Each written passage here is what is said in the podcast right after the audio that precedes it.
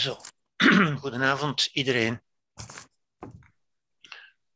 Dus we gaan het in deze drie avonden hebben over het omgaan met stress, met uh, posttraumatische stress, met trauma, dus met traumatisch, als traumatisch beleefde ervaringen.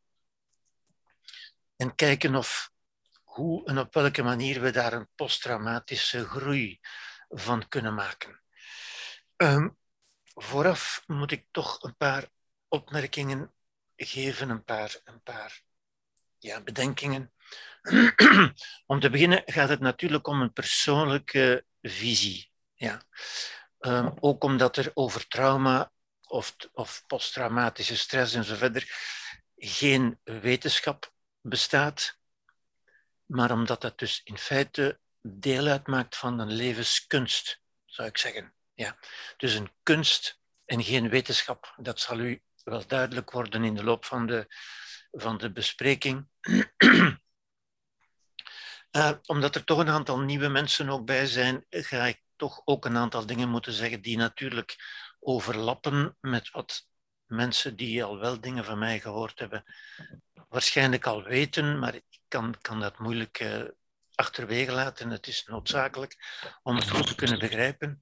Mijn inval is ook natuurlijk dat het niet om therapie gaat. Ik kan niet weten wat u hebt meegemaakt, wat u wel of niet uh, kunt horen, waar u tegen kunt en niet tegen kunt. Het, het gaat om een uiteenzetting over stress, niet een behandeling van uh, posttraumatische stress. Wat niet wil zeggen, dat is natuurlijk mijn bedoeling, dat dat geen therapeutisch effect kan hebben op ieder van u. Mijn bedoeling is altijd van door inzicht te komen tot levensvaardigheid en levenskunst. Met andere woorden, om, om zelf meer in staat te zijn van om te gaan met de moeilijkheden van het leven door inzicht in het menselijke functioneren. Oké, dit gezegd zijnde kunnen we van start gaan en ik ga om te beginnen uh, tonen, ja, dit zijn de boeken die ik geschreven heb, die een aantal onder u wel kennen natuurlijk, waar de meeste dingen ook in staan die ik hier zal zeggen. Goed, wat gaan we doen? Uh, ja, dit zijn de bronnen. Uh, ik geef die er even bij. Dit zijn de klassieke auteurs over stress. Bessel van der Kolk natuurlijk bovenaan. Judith Herman, Trauma and Recovery. Peter Levine. Allemaal de bekende auteurs, de bekende autoriteiten. Maar verder natuurlijk, ik zal daar ook nog naar verwijzen, de boeken, de vele boeken van Boris Cyrulnik, Viktor Frankl, Nelson Mandela en zo verder. Mensen die dus in hun leven heel veel ongewenste ervaringen, zeg maar trauma, hebben meegemaakt. Wat gaan we doen? Uh, de inhoud, ja, ook dit zijn de boeken. Dit is het boek van Viktor Frankl natuurlijk. Het, het, een van de basisboeken, zou ik zeggen. Ja, Man's Search for Meaning. Het zoeken naar betekenis, naar zingeving. Ja, Viktor Frankl, die de uh, Holocaust overleefd heeft en daar een therapeutisch, therapeutische benadering van gemaakt heeft. Ja. Dit is het boek, een van de twee boeken van Edith Eva Eger, eveneens Holocaust-overlever, bekende van Viktor Frankl trouwens. Dit is haar ander boek, allebei zeer aan te bevelen, waarin getoond wordt, waarin concreet tot uiting komt hoe men met moeilijke levenservaringen kan omgaan. Um, Edith Eva Eger aarzelt zelfs niet om over een geschenk te spreken. En ik zal daar ook op terugkomen. Dit is het boek van, het, van Etty Hillesum, ook bekend natuurlijk, ook in verband met uh, de dramatische gebeurtenissen van het begin van de vorige eeuw. De traumatische gebeurtenissen waarbij eigenlijk de ouderen onder ons toch allemaal zijn doorgegaan, waar de mensheid doorgegaan is. Oké, wat gaan we doen? De inhoud, wel, we gaan iets zeggen om te beginnen wat een trauma is hoe we dat kunnen zien. Iets over trauma en evolutie, iets over de mens. want trauma gaat altijd over de mens natuurlijk. Iets over pijn, lijden, onwelzijn, posttraumatische symptomen en posttraumatische groei uiteindelijk. Ehm, iets over die, die figuur hier, dat is een bekend kunstwerk waarmee ik wil aangeven wat vele mensen ook zeggen, mensen die te maken hebben gehad, die betrokken zijn geweest bij traumatische ervaringen, die leegte hier, die holte, die figuur loopt rond met een holte eigenlijk. En dat is de symboliek van deze afbeelding. Goed. Laat ik beginnen met iets te zeggen over trauma. Wat betekent eigenlijk het woord trauma? Het trauma is een Grieks woord dat betekent wonde. Het komt dus uit de sfeer van het lichamelijk. Het betekent oorspronkelijk een lichamelijke wonde. Een wonde die dus iedereen kan zien, die men kan vaststellen, die bepaalde kenmerken heeft, die een bepaalde tijd vergt, die uh, verkeerd kan dichtgroeien of die niet kan dichtgroeien, die littekens kan nalaten enzovoort.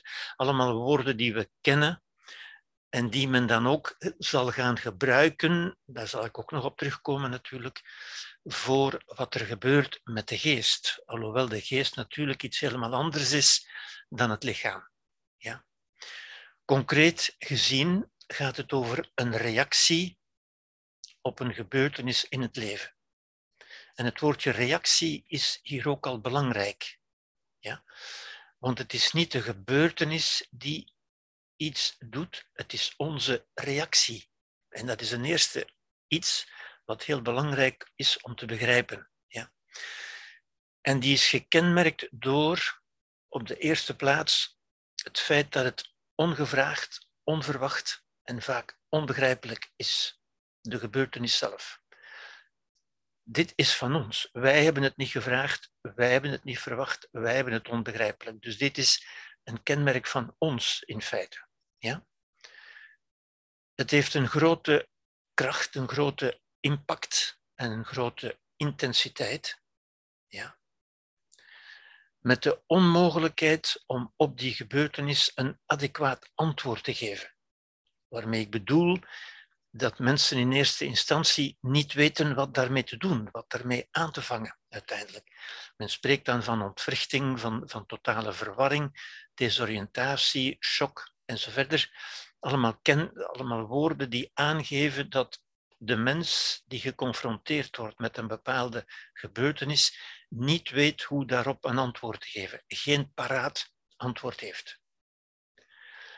En met langdurige veranderingen, niet, niet eventjes, maar met een zekere tijd veranderingen in de psychische organisatie, het psychische leven en het functioneren van de betrokkenen.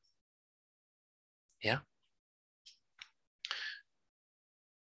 Een acuut trauma, trauma kan acuut zijn, een acute gebeurtenis die ons, die ons sterk treft, ja, gaat over ingrijpende gebeurtenissen. Dat kan zijn een, een ontslag, een scheiding, een overlijden. Over het algemeen dingen die men aanduidt met de term verlies. Iets wat men als een verlies beschouwt. Ja. Het kan ook gaan om geweld, een ongeval, een natuurramp, een oorlog, inbraak, terrorisme, gevangenschap, gijzeling, agressie, misbruik, verkrachting. Ja, alles wat ons kan overkomen op een acute manier. Maar het kan ook gaan om een chronisch trauma, om chronisch onwelzijn. Ja. En dan gaat het over bijvoorbeeld een jeugd, heel vaak een jeugd, kan ook anders, maar heel vaak een jeugd, gekenmerkt door chaos, afwijzing, vernedering, isolement, ontbering, misbruik, fysiek en of psychisch geweld. Ja. Dat zijn de twee grote vormen van trauma, ja, van wat mensen traumatisch kunnen noemen, zou ik zeggen. Ja. Onrecht ook, discriminatie, ongelijkheid, uitsluiting. Ja. Zal daar dadelijk ook iets van tonen. Ja. Een gebeurtenis ook die de geest hypnotiseert, als het ware. Die onze geest in zekere zin gijzelt, gevangen neemt. Ja? Dat is hoe we dat beleven. Er zijn natuurlijk geen gebeurtenissen die onze geest in beslag nemen, maar dat is wel hoe we het beleven in feite. Ja? Het is het, het onverwachte, het onvoorspelbare, het ondenkbare, het onvoorstelbare heeft zich toch voorgedaan. Ja? En we zijn als het ware, de mens is als het ware gehypnotiseerd daardoor. Gefascineerd eigenlijk. Ja? Maar het getraumatiseerd zijn is dus een kenmerk van de betrokkenen, van de mens, niet van de gebeurtenis. Ja? Een gebeurtenis is gewoon een gebeurtenis. En doet ook niets. En dat wil ik in, toch meteen duidelijk maken. Ja? Het is onze reactie op een gebeurtenis die iets doet. Het zijn dus eigenlijk wij die iets doen. Niets doet iets aan ons. Wij doen iets, of althans, er gebeurt iets in ons. En dat is wat wij ervaren, wat we meemaken natuurlijk. Hè. We ervaren een negatieve emotionele band. En dat woord kan mensen een beetje verrassen, want een emotionele band gebruiken we doorgaans voor iets anders. Ja? Namelijk voor een positieve emotionele band. Maar ook hier hebben we een negatieve emotionele band. Dat wil zeggen dat we een emotie blijven koppelen aan die gebeurtenis, of althans aan de herinnering van die gebeurtenis. Een negatieve, een negatieve emotie, vandaar een negatieve band, maar toch een emotionele band. Ja? Ook belangrijk, allemaal, allemaal belangrijke woorden om te beseffen in feite. Ja? Dat wil zeggen een negatieve gehechtheid. Kan men eraan gehecht zijn? Ja, men kan eraan gehecht zijn. Ook op een negatieve manier kan men gehecht zijn. We gebruiken gehechtheid normaal voor iets waar we positief aan gehecht zijn, iets wat we willen dus. Ja? Maar men kan ook op een negatieve manier gehecht zijn door iets wat we niet willen. En ook dat houdt ons eigenlijk in de ban, hypnotiseert ons, de wijze van spreken. En we onderhouden die door ons verzet. En dat verzet is juist de negatieve aandacht. We blijven ermee bezig op een negatieve manier. Ja? En dat is de emotionele band, natuurlijk. Ja? Het ermee bezig blijven. Dat is dus iets wat wij doen, niet iets wat die gebeurtenis doet. Dat is geen kenmerk van de gebeurtenis, dat is een kenmerk van de betrokkenen, van degene die het meemaakt, van ons dus in feite. Ja? Negatieve aandacht, ja? want ook verzet is een vorm van aandacht. We blijven ermee bezig, we blijven ermee betrokken in feite. Ja? En u weet, als waar wij aandacht aan geven, wint aan belang, wordt belangrijker, neemt grotere proporties aan in, onze, in ons bewustzijn, in onze belevingswereld. Dus het is dat verzet dat het ook vaak onderhoudt. Dat gaan we ook nog op terugkomen natuurlijk. Ja. En die band, die gehechtheid, is even sterk als een verslaving of een verliefdheid. Ook dat zijn emotionele banden en ik zet er met opzet bij natuurlijk, om het meteen heel scherp in perspectief te stellen. Ja. Dit zijn dingen waar we niet vanaf willen. Dit zijn dingen waar we niet vanaf kunnen. Of althans denken niet vanaf te kunnen. Maar het zijn dingen waar we een emotionele band mee hebben, omdat we ermee bezig blijven. Ofwel omdat we het wel willen, ofwel omdat we het niet willen. Ja en even moeilijk los te laten of te doorbreken. Ja, mensen zeggen dat ook vaak, dat, dat ze iemand niet kunnen loslaten of hun verleden niet kunnen loslaten, ja, of niet kunnen doorbreken of hun verslavingsgedrag niet kunnen. Ja. Wel, dat is allemaal van toepassing hier ook. En dat is allemaal, heeft allemaal te maken met emotionele band in feite. Een band die we onderhouden op een of andere manier niet bewust vaak, ja, maar door ons, door ons verzet, dit wil zeggen door onze aandacht, door ermee bezig te blijven. Ja? Oké. Een kind gelooft intuïtief En intuïtief, dat wil zeggen, u moet een kind dat niet zeggen, u moet een kind dat niet leren. Een kind gelooft intuïtief dat alles om hem of haar draait. Ja. En dat wordt in het begin ook in stand gehouden door de ouders, vooral door de moeder natuurlijk, die alles doet om dat kind alles te geven wat hij nodig heeft. En dus dat kind gelooft intuïtief dat hij of zij het centrum van de wereld is en dat al de rest rondom hem of haar draait. Ja. Zoals de mensheid ook ooit geloofd heeft dat de aarde het centrum was. Hè. Dat is een intuïtief geloof in feite. Ja. Dat alles er is om hem of haar plezier te doen. En een kind blijft dat geloven zolang de moeder of de ouders alles doen om hem of haar plezier te doen. En in het begin is dat ook normaal, natuurlijk. Ja? Moeders en ouders vinden er een plezier in om dat kind alles te geven wat het nodig heeft. Ja. En dat mama er alleen voor hem of haar is. Ja.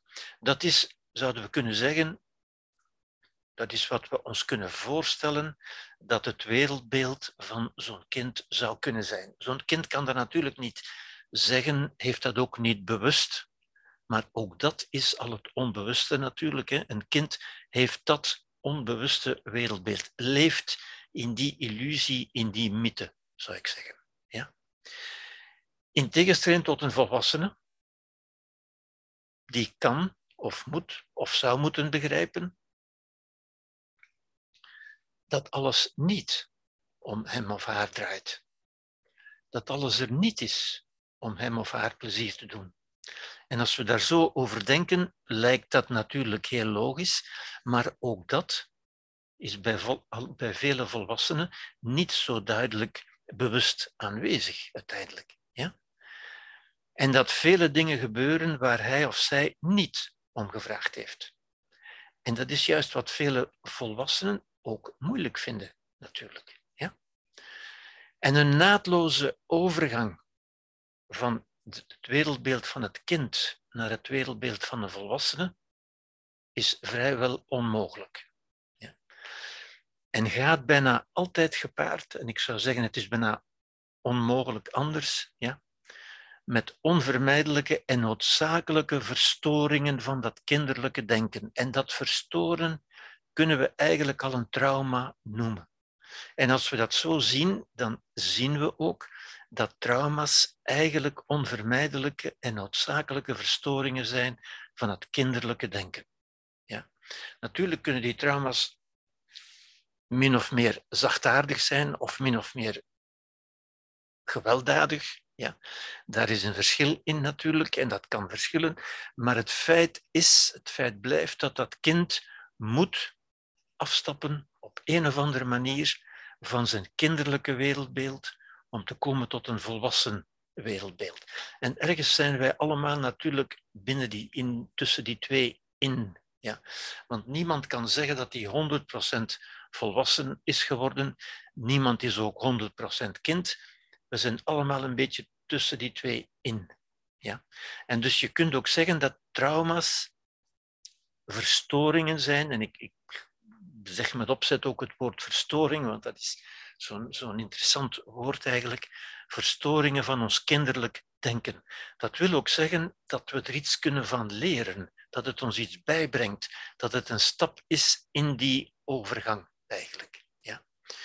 Nu, u weet, het archetypische beeld waarmee dat overeenstemt, dat we ook in de, in de Bijbel terugvinden natuurlijk, is de val uit het paradijs. En dat heeft daar alles mee te maken. Dat is eigenlijk een trauma. Ja? Het paradijs waar de mensen alles hadden wat ze wilden, waar ze het goed hadden, waar het leven goed was, en waar de slang de oorzaak is van de zonde en de val van de mens. Met de verleiding van de appel, de appel van de boom van goed en kwaad. U, kent dat verhaal natuurlijk. Dus de mens heeft zich misdragen op een of andere manier, wordt in dat, in dat archetypische verhaal verteld, en is daardoor verdreven uit het paradijs. En dat verdreven zijn uit het paradijs is eigenlijk het verdreven zijn uit het kinderlijke wereldbeeld. Ja. Waardoor de mens in staat wordt gesteld van zich te bevrijden uit de onwetendheid. In wezen is dat een bevrijding uit de onwetendheid, het verlies van onschuld. We kunnen ook dat als een verlies gaan zien, natuurlijk. En als we het als een verlies gaan zien, dan lijkt het al veel minder, veel minder onschuldig, zou ik bijna zeggen. Ja. Om tot een volwassen bewustzijn te komen. Dus ook, ook het Bijbelse verhaal. En ergens is dit verhaal een archetypisch verhaal dat bijna in alle religies en in alle, in alle wijsheidssystemen voorkomt. Ja. De mens heeft het, heeft het oorspronkelijk heel goed. Hij doet iets wat niet mag, wat niet kan, en valt daaruit, wordt verjaagd, valt daardoor uit, die, uit dat paradijs, maar tegelijk wordt hij daardoor in staat gesteld tot een volwassen bewustzijn te komen. En dat is ook bij de mens zo. Ja? Dus het is een groei, het gaat over groei, het is een kans, een toegang tot het volwassen leven en tot een bewust leven vooral. Het is een prikkel, het zet ons aan om te gaan nadenken. Ja, u weet, voor, voor Levinas bijvoorbeeld, de grote filosoof Levinas, is dat juist ook die, die prikkel, dat trauma, de aan, het begin van de filosofie, het begin van het nadenken en dus van het bewust worden. Lijden dat daarmee gepaard gaat, en dat is altijd het lijden. Het lijden is altijd iets verliezen, of iets dat gebeurt dat we niet gewild hebben, of iets dat we willen en dat niet gebeurt. Ja. Lijden is universeel, het, het is gemakkelijk, het is bijna banaal, als ik het zou durven zeggen. Ja. Het heeft niets op zich, het heeft niets, niets van een diepere waarheid, het leert ons ook niets, tenzij we het gebruiken als een kans, als een toegang tot het volwassen leven. Het is een prikkel, het kan een prikkel zijn tot een meer volwassen leven. Ja. Dat is natuurlijk de benadering die ik ook hier zal volgen. Ja. Waar niet iedereen het mee eens is, uh, noodzakelijkerwijze, uh, ik vraag ook niet van u dat u het allemaal eens bent uh, met mij. Ik zeg alleen dat ik een bepaalde visie geef die hopelijk voor, voor u interessant is om over na te denken. U hoeft het niet noodzakelijk te geloven, maar het is in ieder geval een aanleiding om erover na te denken. Ja.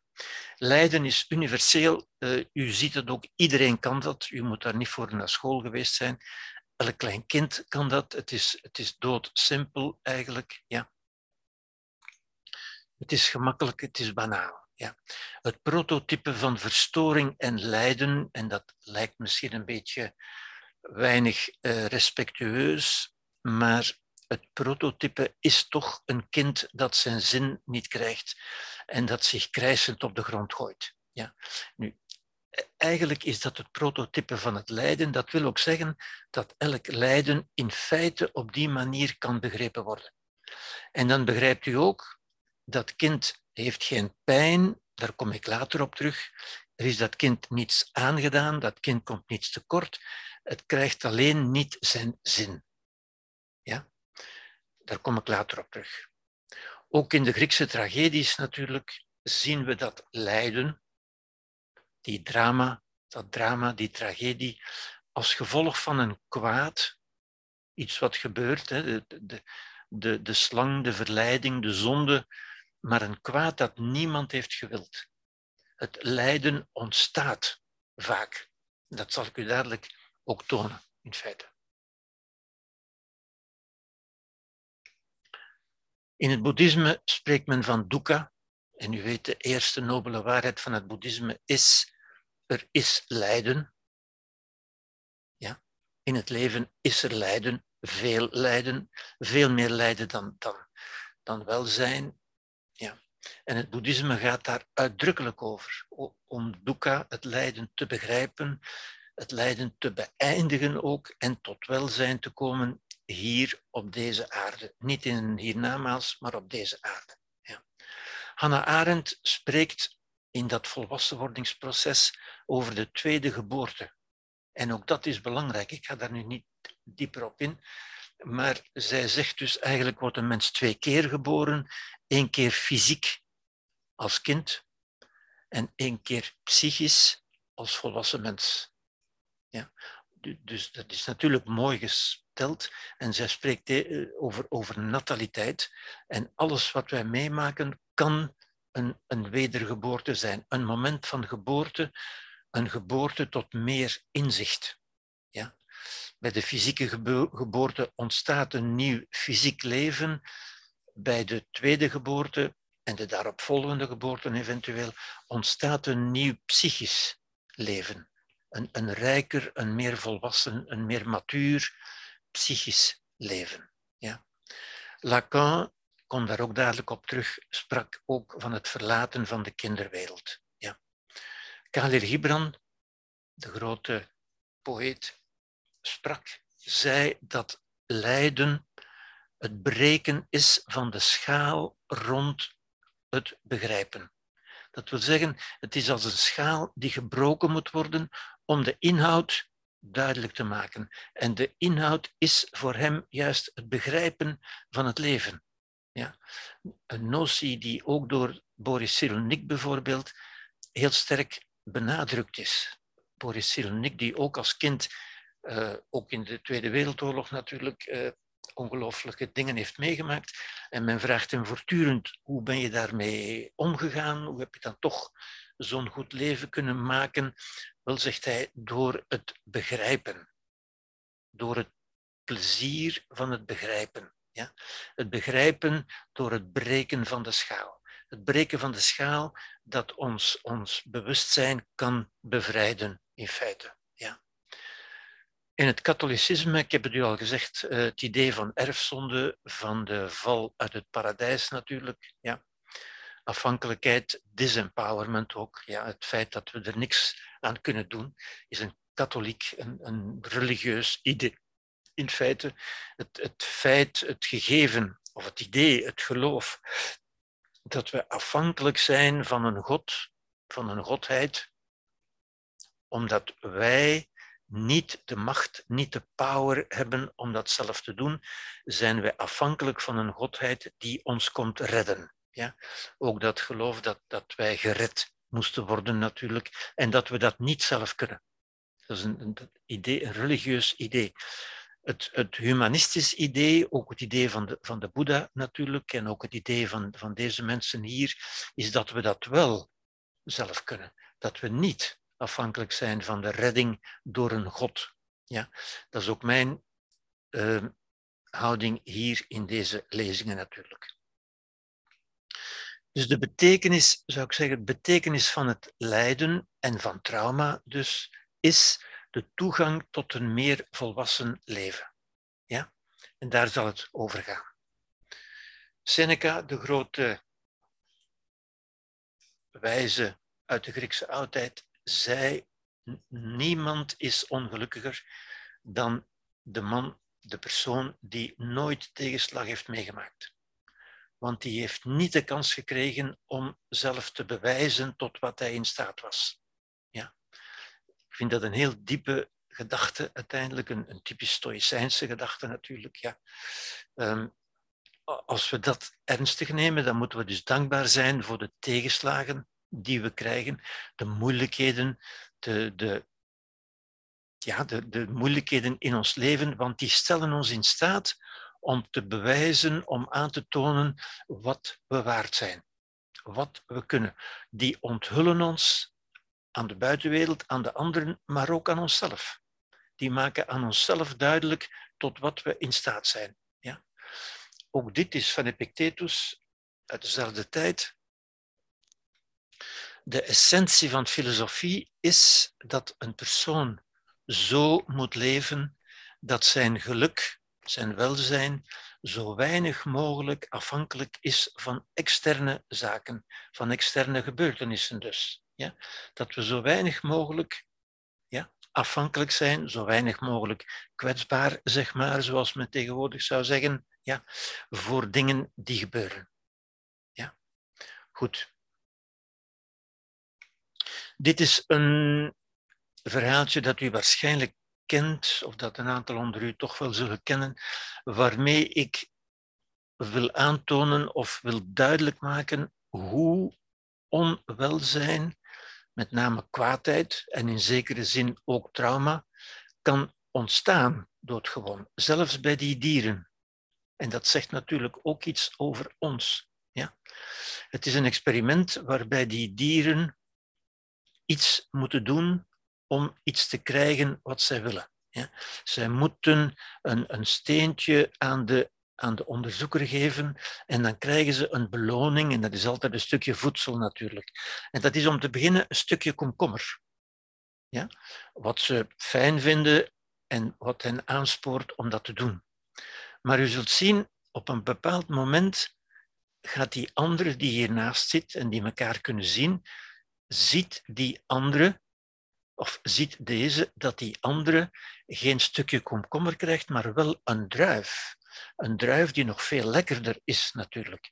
En dan ziet u hoe dit aapje kwaad wordt, razend wordt, eigenlijk getraumatiseerd is door iets wat hij niet begrijpt, wat hij niet kan aanvaarden. En dat is precies de definitie van trauma en hoe hij daarop reageert natuurlijk. Dus u ziet hier het stukje komkommer dat hij krijgt. Ja? En deze krijgt dat ook, een stukje komkommer. Ja? Maar deze krijgt nu een druif en deze heeft dat gezien. Ja? En hij krijgt nog altijd een stukje komkommer. En hij kan zijn ogen niet geloven ja? dat hij maar een komkommer krijgt ja? en geen druif zoals de andere. En u ziet, hij maakt zich kwaad. Deze krijgt weer een druif. Deze krijgt een stukje komkommer. En hij ziet, hij gooit dat stukje komkommer, hij gooit dat razend terug. Hij wil het niet eens hebben en hij maakt zich kwaad. Deze doet rustig verder, want die krijgt uh, lekkere dingen en deze wint zich op. Het trauma. Deze is eigenlijk getraumatiseerd dus. Ja, door iets wat er gebeurd is, wat hij niet kan begrijpen, wat hij niet kan aanvaarden. Helemaal de definitie van trauma wat hij totaal onrechtmatig vindt en hij, hij, weigert van dat nog verder aan te nemen. Hij wordt bijna anorectisch, zou, zouden we kunnen denken. Hij weigert nog verder te eten. Ja, oké, dat was het filmpje. Waarmee ik wil aantonen of u wil illustreren hoe lijden, dit aapje lijdt natuurlijk, ja, is kwaad, is getraumatiseerd, lijdt, ja, hoe dat ontstaat uit die ongelijkheid. Dat aapje heeft geen pijn, dat heeft niets tekort, maar hij merkt, hij ziet iets gebeuren wat hij niet kan aanvaarden. Ja? Het lijden ontstaat hier, het trauma ontstaat, ook al heeft geen van die aapjes dat gewild. Ja? Het is door omstandigheden. Voor die aapjes zijn dat natuurlijk de omstandigheden, dat overkomt hen. Maar u ziet hoe ze daarop reageren. Ja? Goed, Epictetus zei een beetje hetzelfde ongeveer. Hij zei, kijk eens naar een, een nest jonge hondjes en hoe die lieflijk met elkaar spelen. Ja? Maar, zei hij, werp daar eens een stuk vlees tussen en je krijgt onmiddellijk gegrol en gegraai, je krijgt onmiddellijk oorlog. Ja? Kijk ook eens naar vredig spelende mannen, zou ik kunnen zeggen. Ja? Werp daar een aantrekkelijke vrouw tussen of een bal en je krijgt onmiddellijk oorlog. Ja, we zien dat ook bij de, bij de voetbal. Na de voetbal is er onmiddellijk geweld en zo verder. Ja. Ook dat is natuurlijk. Kijk eens naar vredig spelende mensen, naar, naar mensen die in vrede met elkaar leven. Werp daar eens wat vastgoed tussen, of geld of een erfenis, en er ontstaat oorlog. Ja. Net als bij die aapjes. Dat, datzelfde verschijnsel zit ook in ons. Ja, wij kunnen ook kwaad worden door dingen die we niet begrijpen, niet kunnen aanvaarden. Ja. Statusdruk, achterstandswoede, oorlog. Ja. Het bekende verhaal van de drie, de drie schonen, Hera, Pallas Athena en Aphrodite. Ja. Het bekende verhaal. waar het bekende verhaal van de twistappel, ja, waar de godin Eris die niet was uitgenodigd op, dat, op die gebeurtenis, ja, waar zij niet een bal intussen legde, maar wel een twistappel. En die twistappel was de appel, een gouden appel, die zij op tafel legde en waarop stond voor de mooiste. En natuurlijk, onmiddellijk begonnen deze drie vrouwen, deze drie prachtige vrouwen, de drie mooiste van het land, ja, te twisten over wie nu de mooiste was. Ja? En ook daar zie je dus een uitwendige gebeurtenis en er ontstaat oorlog. Ja? Tussen die drie dames die het goed met elkaar konden vinden, tot die twistappel. En dat is echt de betekenis van de twistappel. En u, u weet waarschijnlijk nog uit uw middelbare school dat dat de oorsprong was van de oorlog, van de oorlog van Troje, die, die vreselijke oorlog bijna een soort wereldoorlog, zou je kunnen zeggen, ja, die, die jaren heeft geduurd en zo verder. Vandaar dat Aristoteles ook zei dat hij voorstander was van de matigheid in de emoties en dat de Stoïcijnen eigenlijk zeggen, alle emoties zijn gevaarlijk. Ze zijn gevaarlijk, want ze kunnen ons in een minimum van tijd tot oorlog brengen, tot lijden. Ja? Het is dat wat natuurlijk de reactie op gebeurtenissen uitlokt. Niet de gebeurtenissen zelf, ja, maar onze reactie daarop. En dat is, dat is belangrijk natuurlijk. Ja. Als een zebra door een tijger overvallen wordt en die aanval ternauwernood weet te overleven, als een zebra die aanval overleeft, wat gebeurt? Ja? Want zebra's kunnen hard lopen en kunnen die tijger dan gaat die niet jarenlang getraumatiseerd zijn. Ze heeft geen jarenlange therapie en bestraffing van de dader nodig om te kunnen verwerken. Nee, die zebra gaat onmiddellijk weer klaar zijn om verder te leven en gaat onmiddellijk weer grazen. Dieren kunnen dat. Een mens kan dat in principe ook natuurlijk. Hè. Dat zal het hele betoog zijn. Dieren kunnen zich kwaad maken, kunnen getraumatiseerd zijn. Een mens kan dat ook. Maar dieren kunnen daar ook onmiddellijk eigenlijk weer afstappen. Dat zien we ook bij een klein kind. Een klein kind dat doodongelukkig is en, en krijst en huilt omdat hij niet krijgt wat hij wil. Zodra hij krijgt wat hij wil, zijn die traantjes weg en lacht dat kind weer. Dus dat, dat zit ook in ons natuurlijk. Ja. Maar we zijn dat een beetje verloren. Nee, verloren niet. Men heeft het ons niet geleerd natuurlijk. Ja. Maar goed, de reactie op een gebeurtenis wordt niet veroorzaakt door die gebeurtenis op zich, maar door de mens zelf. En dat is een moeilijk iets om te aanvaarden. En ik ga nog moeilijke dingen zeggen, denk ik, waar mensen al kunnen op, op afknappen. Ja? Want dan komt er bij hen een verantwoordelijkheid te liggen die ze niet graag nemen, natuurlijk. Ja. Maar als u er eens over nadenkt, ja, dat gebeurt ook zo bij een virus bijvoorbeeld, ook bij het huidige virus, ook bij het coronavirus. Ja? Het coronavirus is geen vijand. Het coronavirus doet ook niets. Het maakt ons niet ziek. Wij worden ziek, maar onze ziekte is de reactie, is onze reactie op dat virus. Het is ons verzet tegen dat virus. Het is ons lichaam dat zich verzet tegen dat virus. Dat virus doet niets. Ja, het bespringt ons niet, het achtervolgt ons niet. Het doet niets. Het gebruikt ons gewoon als vehikel om verder te gaan. Ja? Ons ziek worden is de reactie van ons lichaam, van ons immuunsysteem met name, dat probeert van, van dat virus af te komen. Ja?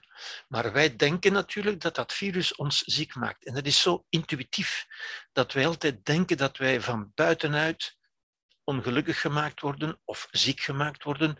Het een is voor de geest, het ander is voor het lichaam natuurlijk. Maar uiteindelijk gaat het over de reactie op een gebeurtenis, op onze reactie.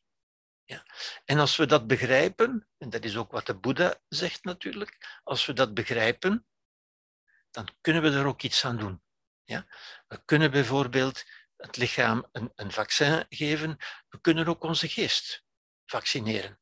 Dat we zeggen, ons klaarmaken om daar op een verstandiger manier, op een minder ingrijpende manier mee om te gaan. Ja.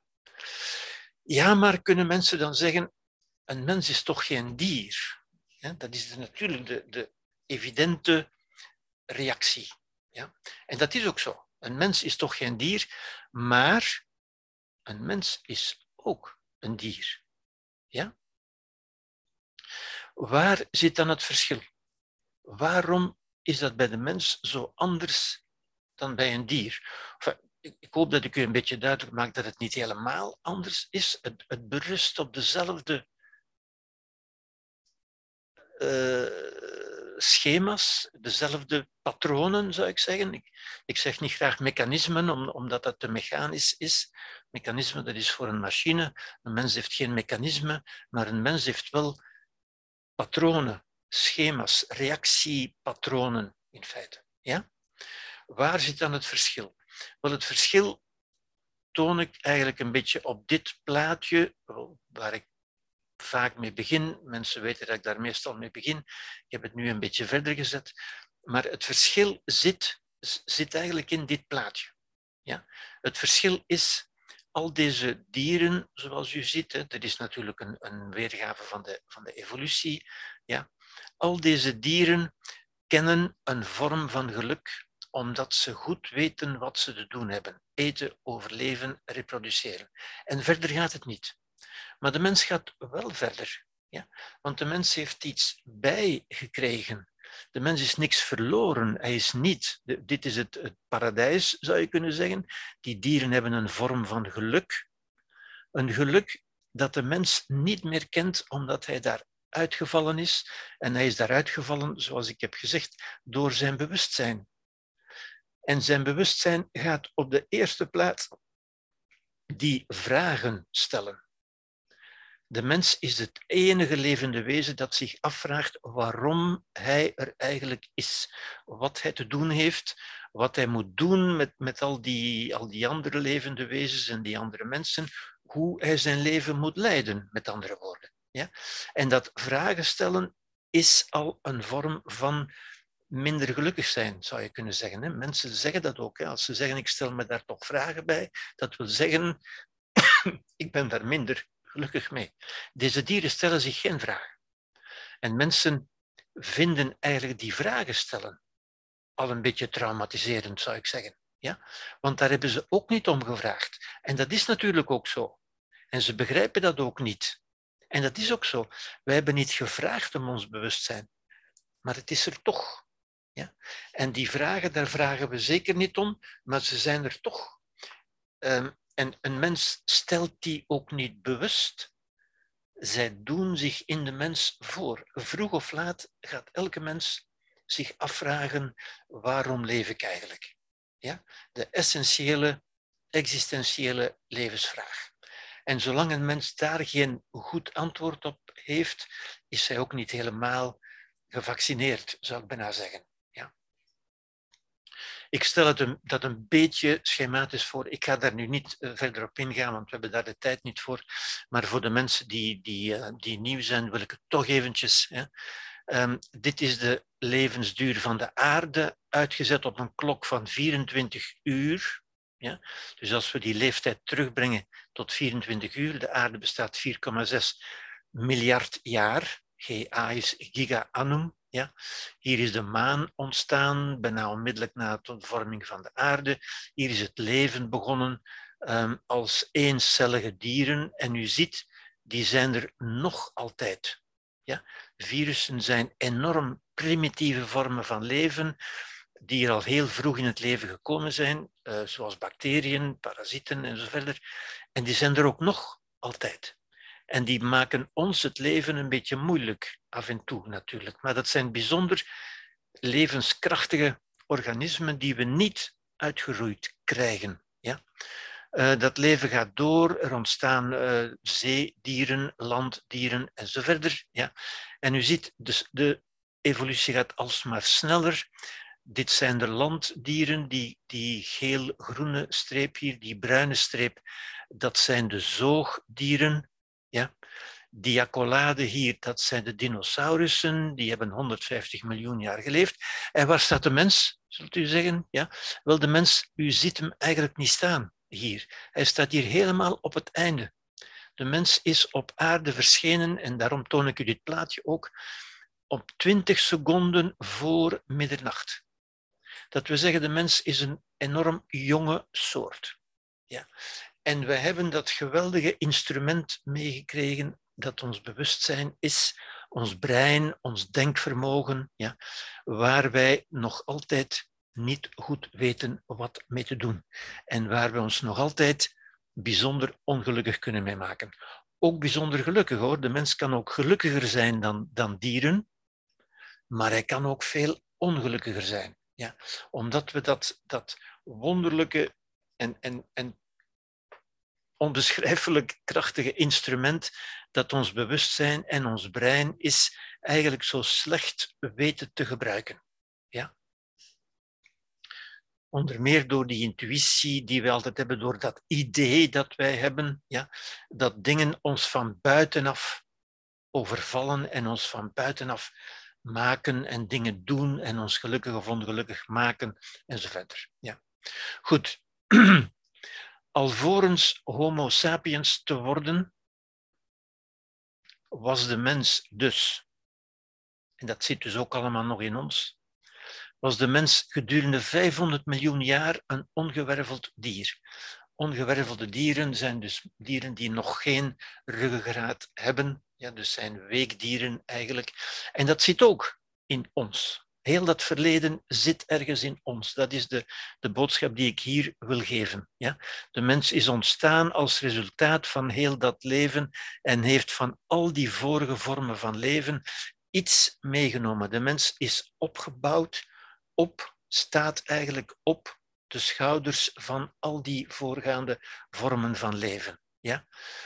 Hij is 300 miljoen jaar een zoogdier geweest. We zijn nog een zoogdier natuurlijk. Ja? Hij is 65 miljoen jaar een primaat geweest. Een primaat is wat u daar straks in dat filmpje hebt gezien. De aapachtigen, die al bijzonder dicht bij ons staan, met name wat hun emoties betreft. Ja? Die eigenlijk helemaal reageren zoals wij reageren als we ons bewustzijn niet speciaal gebruiken. En dat doen we vaak ook niet. Ja. Is 2 miljoen jaar pas 2 miljoen jaar, ziet u 500 miljoen jaar ongewerveld, 2 miljoen jaar mens, de Homo erectus, dat wil zeggen de rechtopstaande mens, de mens die op, op twee voeten, op twee benen is gaan lopen, het bipedalisme, uh, is pas 2 miljoen jaar oud. En dat lijkt natuurlijk enorm, maar dat is eigenlijk een, een, een, een, een, een oogblink, een, een, oog, een oogknippering zou je kunnen zeggen in de evolutie. Ja. 1,8 miljoen jaar de beheersing van het vuur, dat we zeggen, heel onze technologie die daarop berust en die wel ontstaan is dankzij ons brein, ons denkvermogen, ons bewustzijn. Geen enkel ander dier is het vuur gaan beheersen en heeft ook dus geen technologie en geen cultuur kunnen maken. Ja. Alleen de mens doet dat. Nu zijn we echt bij de mens hier. Ja. En pas 300.000 jaar ongeveer heeft de mens een taal en een communicatie die ook ongelooflijk belangrijk is geweest voor het, ontstaan, het ontwikkelen van de mens als mens in feite. Het brein van de oudste mensachtigen, van die primaten bijvoorbeeld, ja, was ongeveer 450 cc, een kleine halve liter. Ja. Twee miljoen jaar geleden, dat is de Homo erectus, was dat brein al verdubbeld, 900 cc. En 10.000 jaar geleden, dat, dat is eigenlijk nu, dat is nog altijd nu, hè, dat is de huidige tijd, we zijn niet veranderd ten opzichte van 10.000 jaar geleden, is dat opgelopen, is dat gegroeid tot 1400 cc, anderhalve liter zeg maar, en dat is nog altijd het huidige gemiddelde. Die anderhalve liter weken massa in onze schedel is eigenlijk het orgaan dat ons echt tot mens maakt. Niet ons lichaam, dat is heel gelijkend met andere dieren, met, met apen en met varkens en met andere zoogdieren. Dat is perfect. Ja, maar wel dat brein. Met name een bepaald stuk van het brein waar ik dadelijk op terugkom. Ja. Het begin van de mens, ik, ik ga hier een beetje sneller doorheen, omdat dat maar iets illustreert natuurlijk. Hè. Wij zijn allemaal begonnen als één bevruchte cel Dat verliezen we toch wel eens uit het oog natuurlijk, dat wij uit die ene cel gekomen zijn. Ja. Bij de geboorte was het al circa 2 biljoen cellen. En u weet, een biljoen is een miljoen keer miljoen, of duizend miljard. Voor wie nog iets van wiskunde kent, 2 maal 10 tot de twaalfde.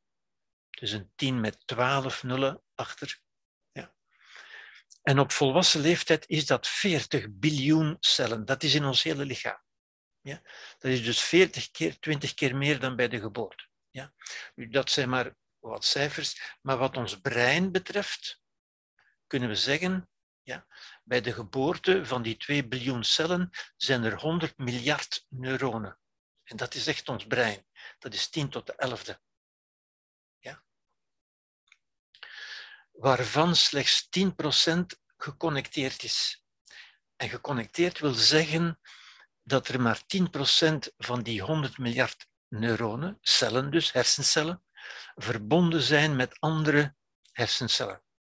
Dat wil zeggen dat dat brein zeer onaf is. Ja. Want het, het verstand, zou je kunnen zeggen, het, de taal, ons denken, ons bewustzijn, zit niet zozeer in die neuronen, maar wel in die verbindingen tussen neuronen. En u ziet, hier is maar 10% verbindingen. Dus dat is zeer onaf. Bij een volwassene heeft elk neuron meer dan 10.000 connecties. Dat is 10 tot de vierde. Elk neuron, elk van die 100 miljard neuronen, heeft 10 tot de vierde connecties. Ja? En daarin zit natuurlijk ons, ons denkvermogen, ons begrijpen, ons, ons verstand, ons overleg enzovoort, waar ik dadelijk op zal terugkomen. Dat wil zeggen, in totaal is dat 1 miljoen miljard verbindingen. Wie nog iets van wiskunde kent, 10 tot de 11e maal 10 tot de 4e is 10 tot de 15e. Dat is 10 met 15 nullen achter. Ja? Dat is meer, schat men, raamt men, dan er verbindingen in de kosmos zijn. 100 miljard neuronen, dat is ongeveer zoveel als er sterren in onze galaxie zijn. En dat is ongeveer zoveel als er galaxieën in het universum zijn. Dus je ziet, dat zijn duizelingwekkende cijfers natuurlijk. Van dat brein weten we dus bijzonder weinig. We weten vooral we weten natuurlijk wel heel wat. We weten heel wat dankzij de wetenschap natuurlijk en ook dankzij de moderne wetenschap met, met uh, um, beeldvormende technieken enzovoort. We weten vooral genoeg om goed te weten hoe weinig we eigenlijk weten. Ja. Vandaar dat ik ook in het begin zei van de mens als mens, als brein, als bewustzijn met andere woorden. Want wij ervaren niet ons brein, wij ervaren wel ons bewustzijn dat wat we doen met dat brein. En wat we doen met dat brein, daarvan hebben we geen wetenschap. Ja? Daarom is dat ook nog altijd een kunst. Een mens kan kunst maken zonder dat hij daar een wetenschap over heeft. Allemaal fascinerende inzichten waar ik nu niet verder kan op ingaan natuurlijk. Waarvan van dat miljoen miljard verbindingen is 90% na de geboorte gevormd. Want u ziet, bij de geboorte is er slechts 10% geconnecteerd. Dus 90% is na de geboorte gevormd. Waarom is dat belangrijk? Wel, om te begrijpen, om te beseffen hoe veel de mens leert na de geboorte. Want dit is een leerproces. Die verbindingen worden gevormd door leren. Ja? Door waarnemen, door in de wereld zijn, door contact met de wereld, door contact met mensen, door talig contact ook, door te spreken, ja? door met, met onze handen om te gaan met de wereld enzovoort. En daardoor ontstaan die verbindingen en leren wij dus ook. In die verbindingen zit wie wij zijn, zitten onze verhalen, wat wij geloven, onze overtuigingen enzovoort. Waarvan 90% na de geboorte. Ja. Dat betekent ook dat het vrij problematisch is, om niet te zeggen een beetje absurd, van te zeggen, ik ben zo, dat is mijn natuur, dat is mijn aard. Nee, de mens heeft bijna geen natuur. Slechts 10% is geconnecteerd. Er zijn wel dingen, ja, ik zal daar ook op terugkomen. Ik heb u dat straks ook gezegd, een kind dat, zich, dat niet krijgt wat hij wil en zich krijsend op de grond werpt, ja, dat moet u dat kind niet aanleren. Dat zijn inderdaad ingeboren, aangeboren, dat zijn patronen, verbindingen dus, die in ons allemaal aanwezig zijn, waardoor wij allemaal dat gedrag kunnen vertonen. We moeten dat niet leren, dat zit in ons. En dat zit ook nog in ons als wij volwassen zijn.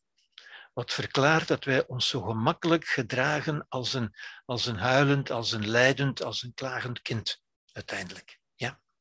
Goed, um, als we dat, dat aantal verbindingen zouden willen tellen en we zouden per seconde één verbinding tellen, tellen met één per seconde, dan zouden we 100 miljoen jaar aan het tellen zijn. Ja, u moet die cijfers natuurlijk niet noteren, u moet dat ook niet onthouden. Het is alleen om u een beeld te geven, om u een beetje te kunnen voorstellen wat de complexiteit is van dat brein waar we het gaan over hebben. Want dat is natuurlijk waarin, wat ik daar straks ook zei, um, trauma's zijn niet wat ons overkomt, maar hoe wij reageren op wat ons overkomt. En dat heeft alles te maken met dat brein hier. Ja? Daarom sta ik daar ook even bij stil. Niet om van u neurologen te maken, maar om u toch een beetje een, een bruikbaar inzicht te geven in de complexiteit van dat brein. De maturatie van de cortex, het volwassen worden van de cortex, van het brein dus, duurt ook tot circa 25 jaar, zoals u weet. Dus voor, voor al die neuronen hun connecties hebben gevormd, ja, is tot 25 jaar.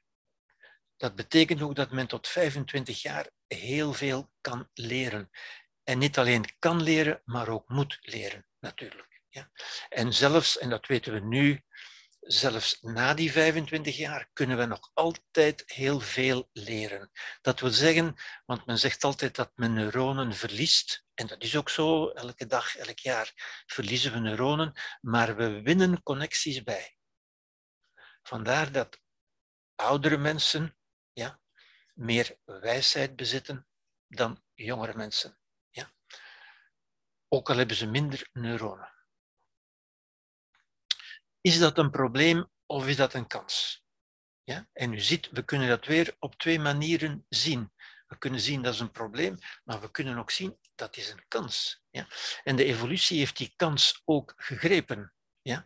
om de mens tot een lerend wezen te maken. Je zou bijna kunnen zeggen, de aard van de mens, maar dat is niet de echte aard natuurlijk, hè, maar de mens is veroordeeld tot het leren van veel dingen in de samenleving. Ja.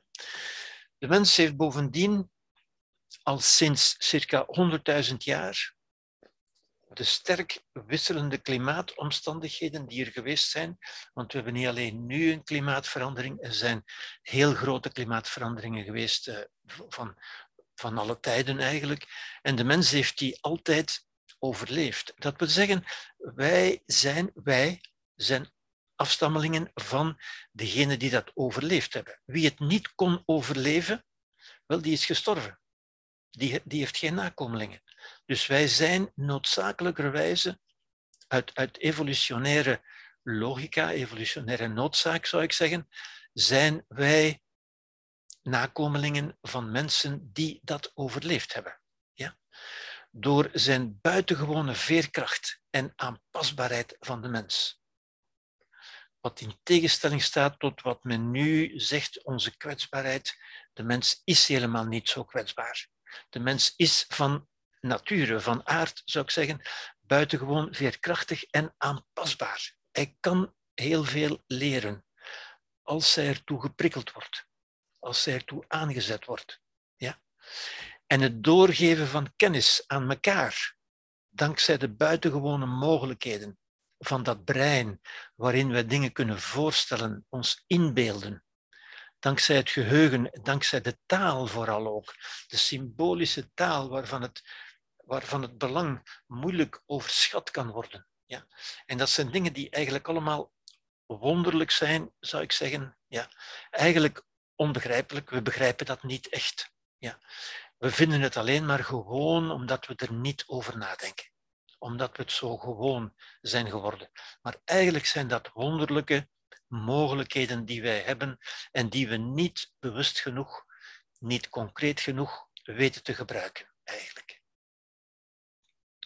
De mens is herhaaldelijk in evolutionaire bottlenecks gekomen en evolutionaire bottlenecks wil zeggen omstandigheden waarin het bijzonder moeilijk was om te overleven en waarin de mens met uitsterven bedreigd is geweest. En dat is verschillende keren gebeurd.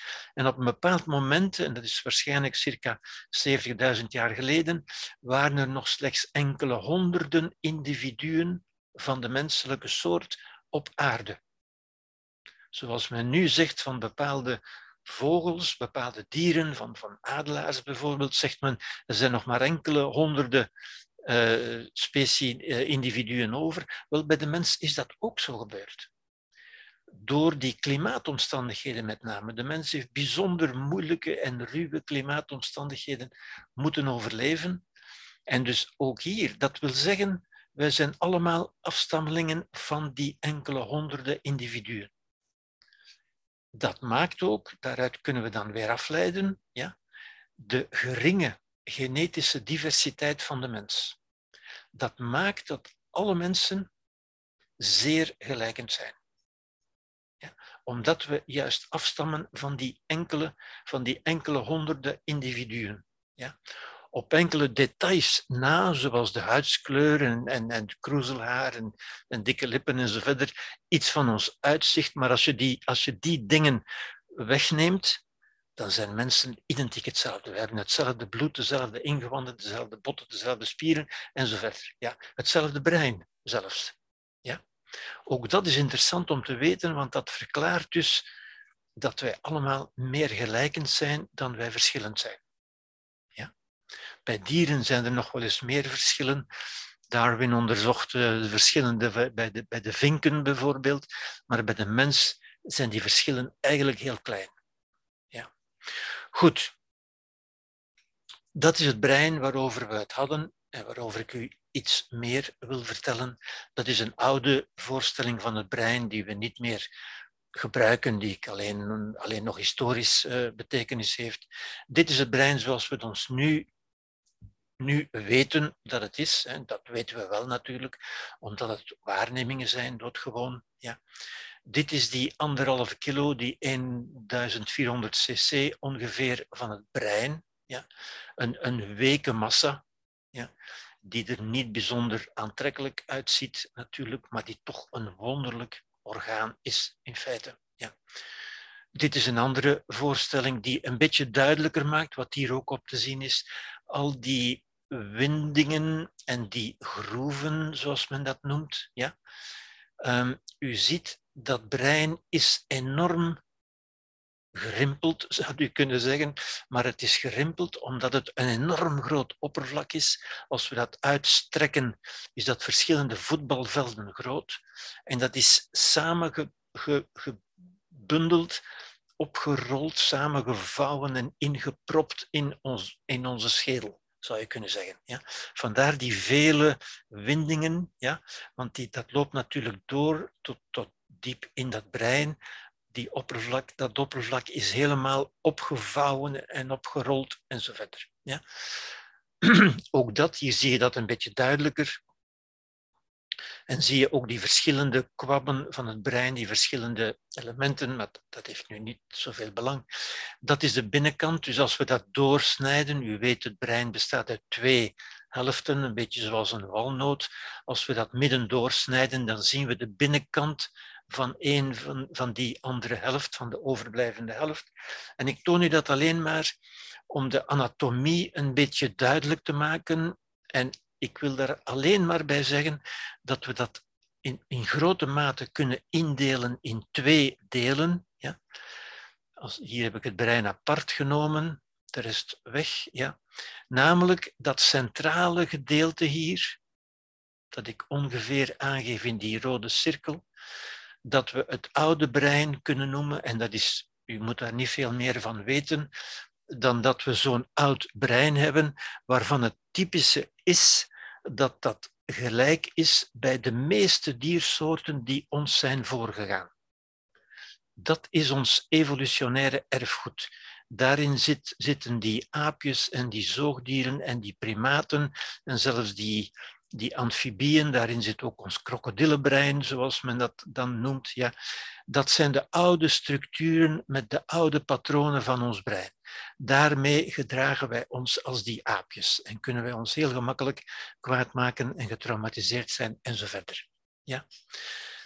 Het andere stuk is natuurlijk wat ik hier aangeef, met dit stuk dat daar is bovenop komen te liggen, dat het nieuwe brein is. Ja. Dat nieuwe brein waarmee wij dus bewust zijn, kunnen nadenken, kunnen overleggen, ons redelijke brein, ja, waar wij ook ons ik in situeren en zo verder. Ja. En dat zijn de enige twee die ik eigenlijk wil overhouden. Ja, als u dat maar weet, dat we een oud brein hebben en een nieuw brein. Dat is voldoende voor wat we vandaag hier willen, willen zeggen.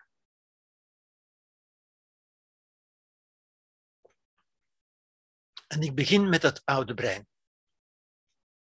Het oude brein, wat dus is dat wat we gemeenschappelijk hebben met al onze voorlopers, alle andere dieren, tot, tot de amfibieën, tot de krokodillen toe en, en soms tot de insecten toe zelfs. Ja.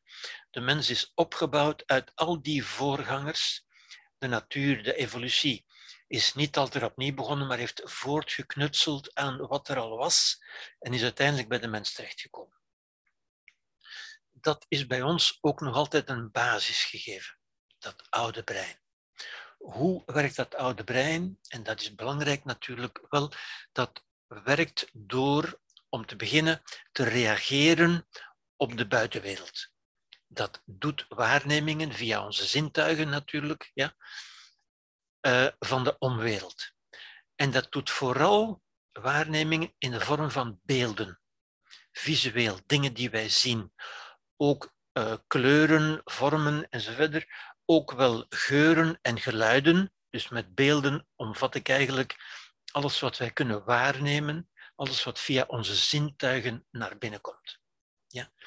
Die beelden worden waargenomen, komen in dat oude brein binnen en worden daar verwerkt. Het brein doet daar iets mee. Ook hier zien we natuurlijk, die beelden doen niets aan ons. Wij doen daar iets mee. Of ik zou beter zeggen, er wordt in ons iets mee gedaan. Want dat doen we natuurlijk ook niet zo bewust. Wat doen we daarmee? Wel, we verwerken die informatie, dat is informatie, we verwerken die in wat we het emotionele brein noemen, het oude brein dus. En dat verwerken van informatie, verwerken van informatie, ja, is eigenlijk denken. Denken is het verwerken van informatie. En daarmee zeg ik natuurlijk dat ook emoties, ook het emotionele brein, een vorm van denken heeft. Ja? Emoties zijn denken. Alleen ervaren wij dat niet zo, natuurlijk. Ja? Want dit is niet bewust. Het gebeurt in ons. Maar die informatie wordt verwerkt in die, die computer, dat oude brein, dat is als een computer. Ja? Dat is het snelle denken, want dat werkt ook heel snel.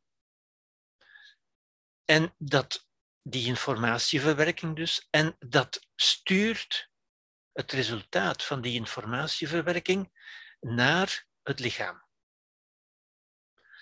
En het resultaat daarvan, want dit ervaren wij niet, ja, dit, dit gebeurt wel, maar wij ervaren dat niet. We zijn daar niet van bewust, met andere woorden. Waar we wel van bewust zijn, is het effect op het lichaam.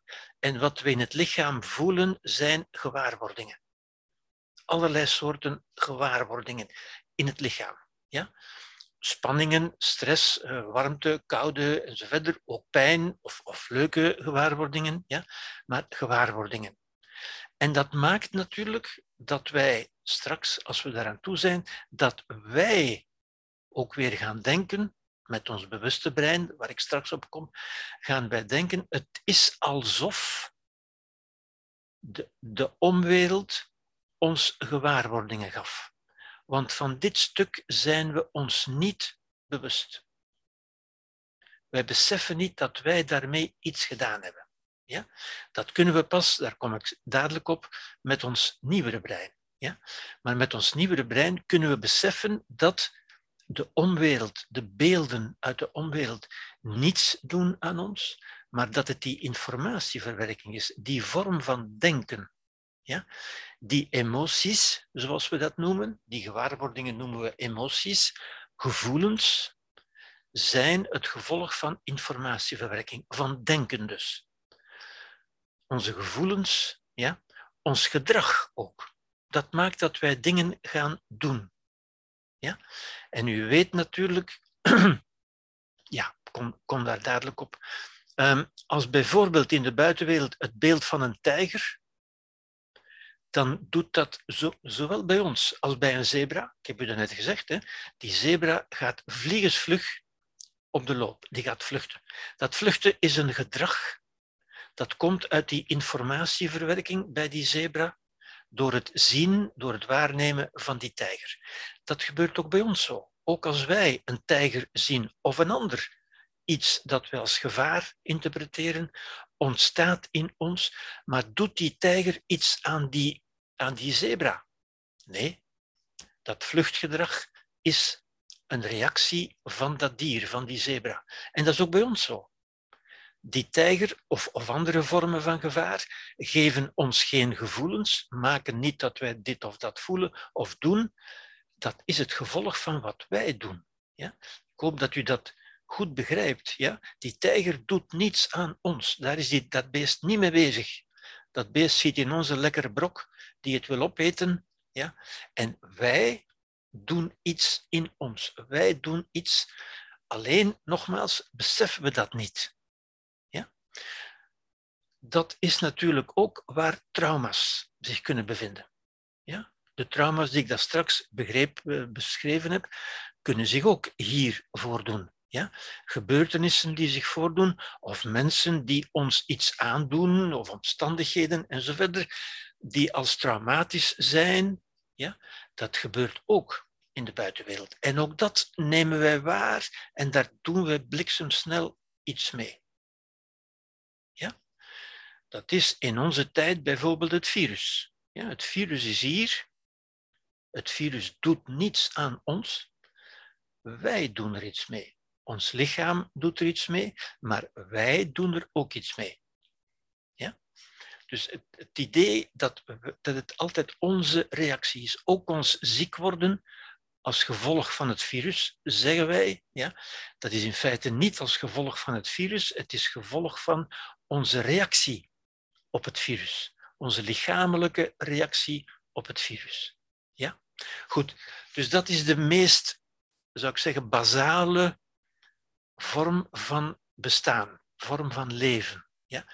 Waarin wij reageren, of althans er wordt in ons gereageerd op manieren die wij niet beseffen, nogmaals, waarvan we dus niet bewust zijn, op beelden uit de omgeving. De omgeving doet ons in wezen niets of heel weinig.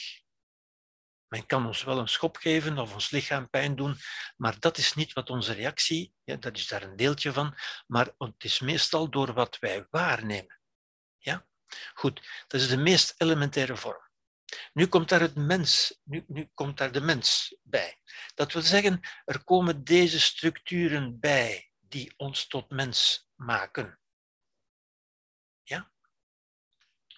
Nu, deze structuur, dat menselijke brein, ja, en u ziet ook, dat is precies wat achter ons voorhoofd ligt, hè, waardoor de mens ook zo'n hoog voorhoofd heeft.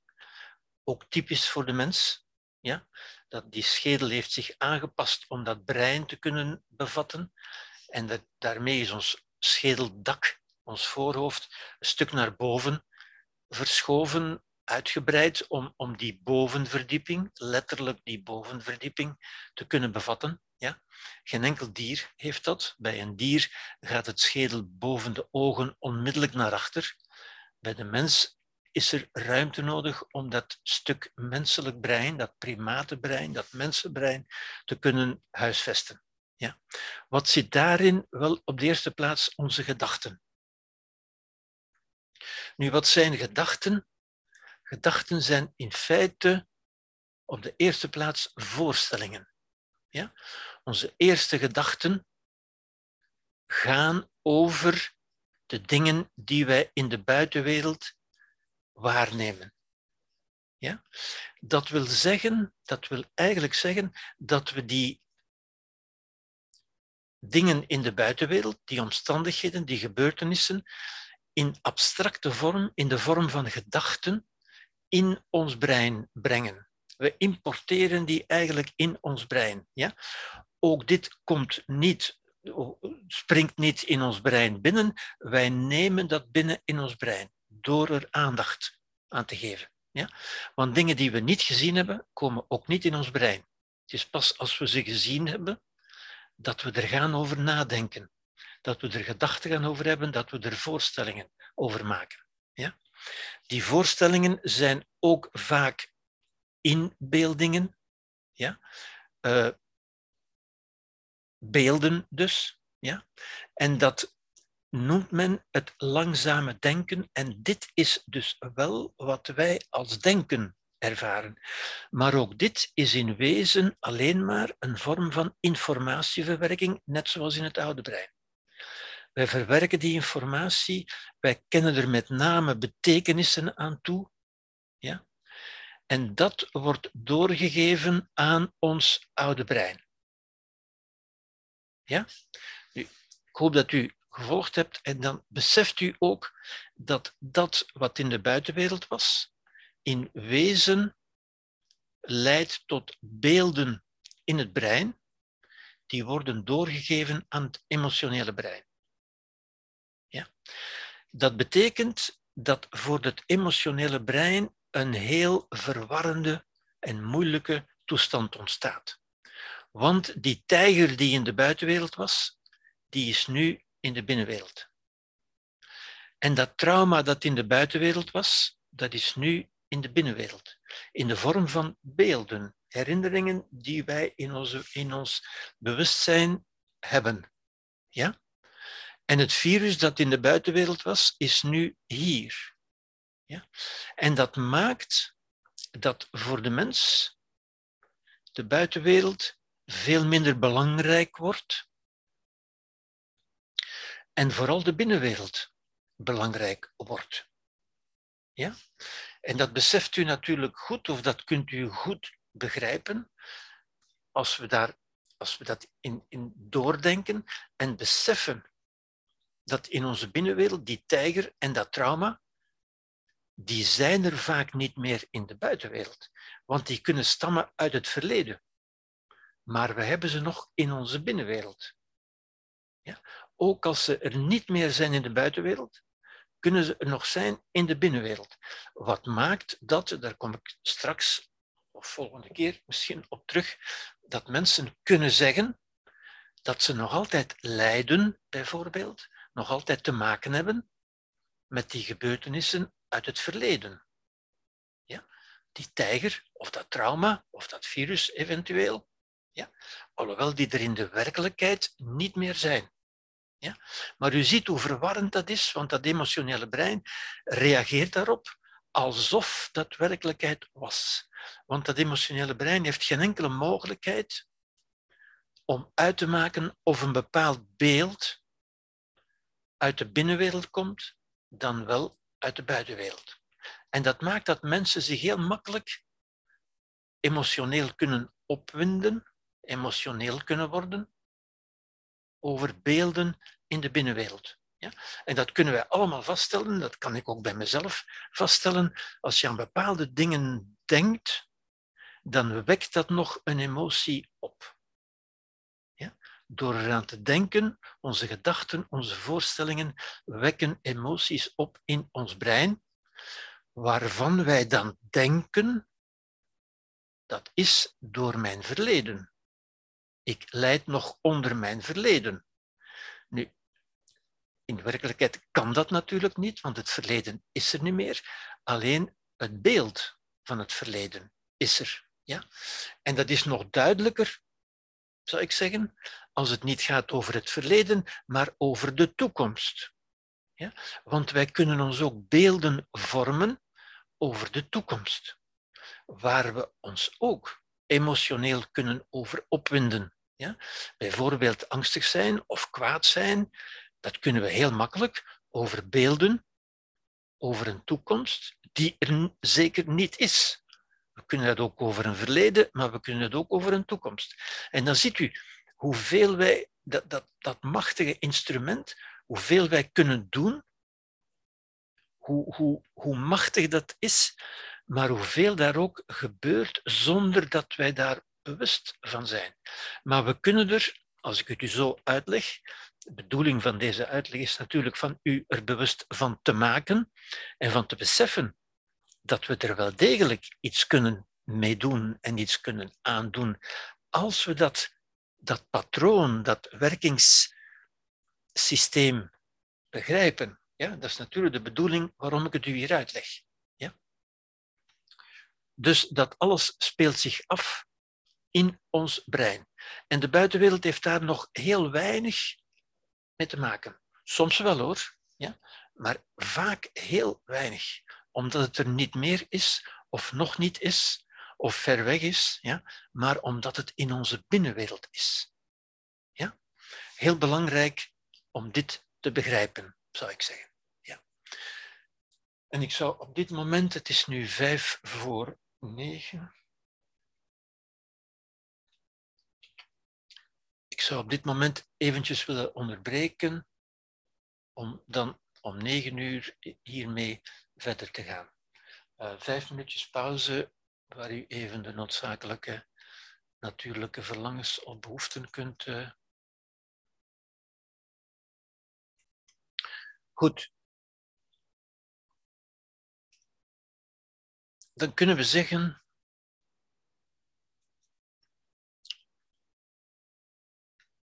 dat dit, dit oude brein is natuurlijk verantwoordelijk voor ons emotionele denken, dat we zeggen onze emotionele oordelen. Ik hoop dat u nu ook begrijpt dat emoties in wezen oordelen zijn. Ja, ons emotionele brein beoordeelt de buitenwereld, bijvoorbeeld of die vijandig is of vriendelijk, of die aangenaam is of niet aangenaam, of dat een vriend of een vijand is. Dat zijn onze emoties, die wij vaak buikreacties noemen ja, maar die natuurlijk uit ons brein komen, die niks met ons, onze buik te maken hebben. Ook niet met ons hart natuurlijk. Hè. U weet dat emoties vaak in het hart gesitueerd worden. Ze hebben niks te maken met ons hart.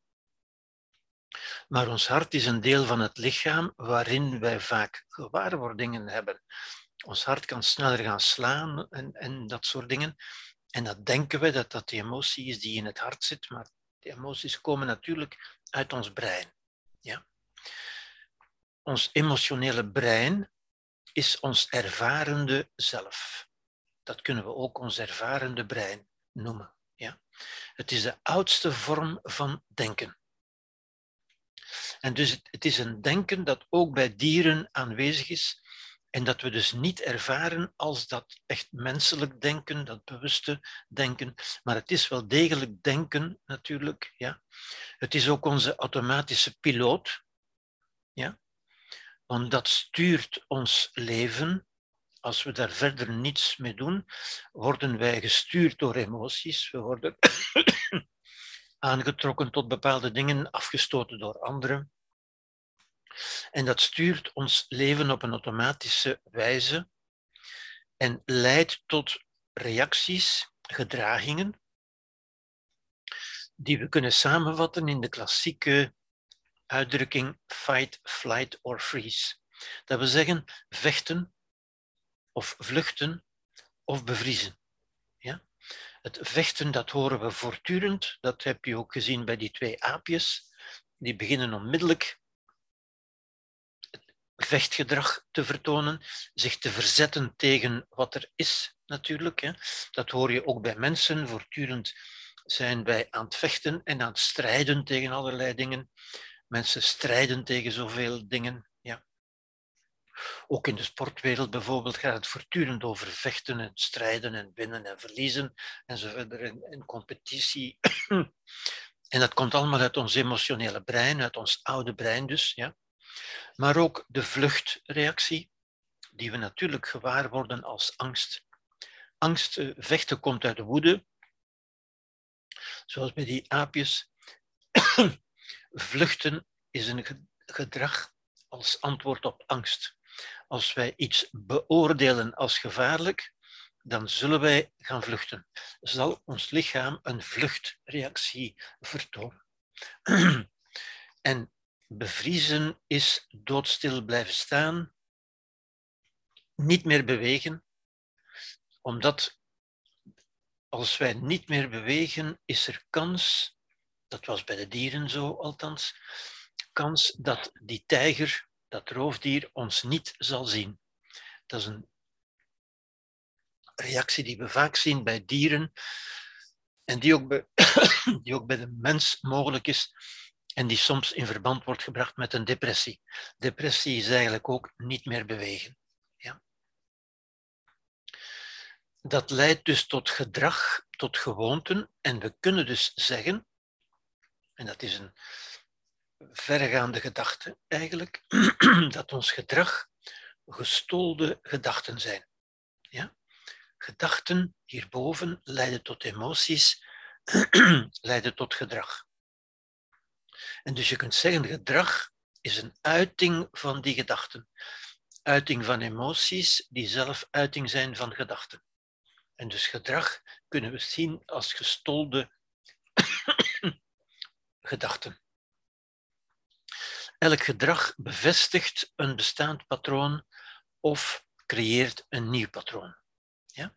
We kunnen dat gedrag ook bewuster gaan sturen natuurlijk, of we kunnen ons laten leiden door onze automatische piloot. Daar kom ik later op terug. Dit hier is onze interne werkelijkheid. Deze beelden uit de buitenwereld die we hebben opgenomen in de binnenwereld, is onze echte werkelijkheid, onze interne werkelijkheid, die onze echte werkelijkheid is waarmee wij concreet leven. Wij leven niet met de uitwendige werkelijkheid, wij leven met onze gedachten over die werkelijkheid. Of met onze herinnering aan die werkelijkheid. Ja? En wij kunnen ons nog perfect opwinden en angstig zijn of boos zijn over dingen die er al lang niet meer zijn, omdat we die als het ware meedragen hier. Nu, dat meedragen, wat mensen dus vaak hun rugzak noemen, ja, is ook een beetje metaforisch of helemaal metaforisch, want gedachten hebben natuurlijk geen gewicht. U draagt niet werkelijk iets mee. U hebt alleen bepaalde gedachten in uw bewustzijn. Ja? Dat is dus onze interne werkelijkheid die verantwoordelijk is voor onze emoties. Veel meer dan de, dan de echte werkelijkheid, dan de uitwendige werkelijkheid. En dus verantwoordelijk voor ons gedrag, heel vaak. Het is onze flight simulator, zoals men soms zegt. Ja? Een flight simulator is een apparaat waarin men mensen, piloten leert vliegen op een kunstmatige, op een virtuele manier, zonder dat zij moeten in dure, echte vliegtuigen met passagiers en zo gaan om te leren. Dus zij leren doen alsof, ze leren door te doen alsof, door een simulatie. Wel, hier kunnen wij dus ook doen alsof, een simulatie maken. En dat doen we ook voortdurend. Wij simuleren voortdurend de toekomst. Wij stellen ons voor hoe de toekomst zal zijn. En op basis daarvan gaan we ons gedragen. Wij willen bepaalde dingen bereiken in de toekomst en die stellen we ons ook voor. En er zijn anderzijds dingen die we niet willen in de toekomst en ook die stellen we ons voor. En op basis daarvan bepalen wij een scenario wat we gaan doen om bepaalde doelstellingen te bereiken of niet te bereiken juist. Dus dat is letterlijk onze vluchtsimulator.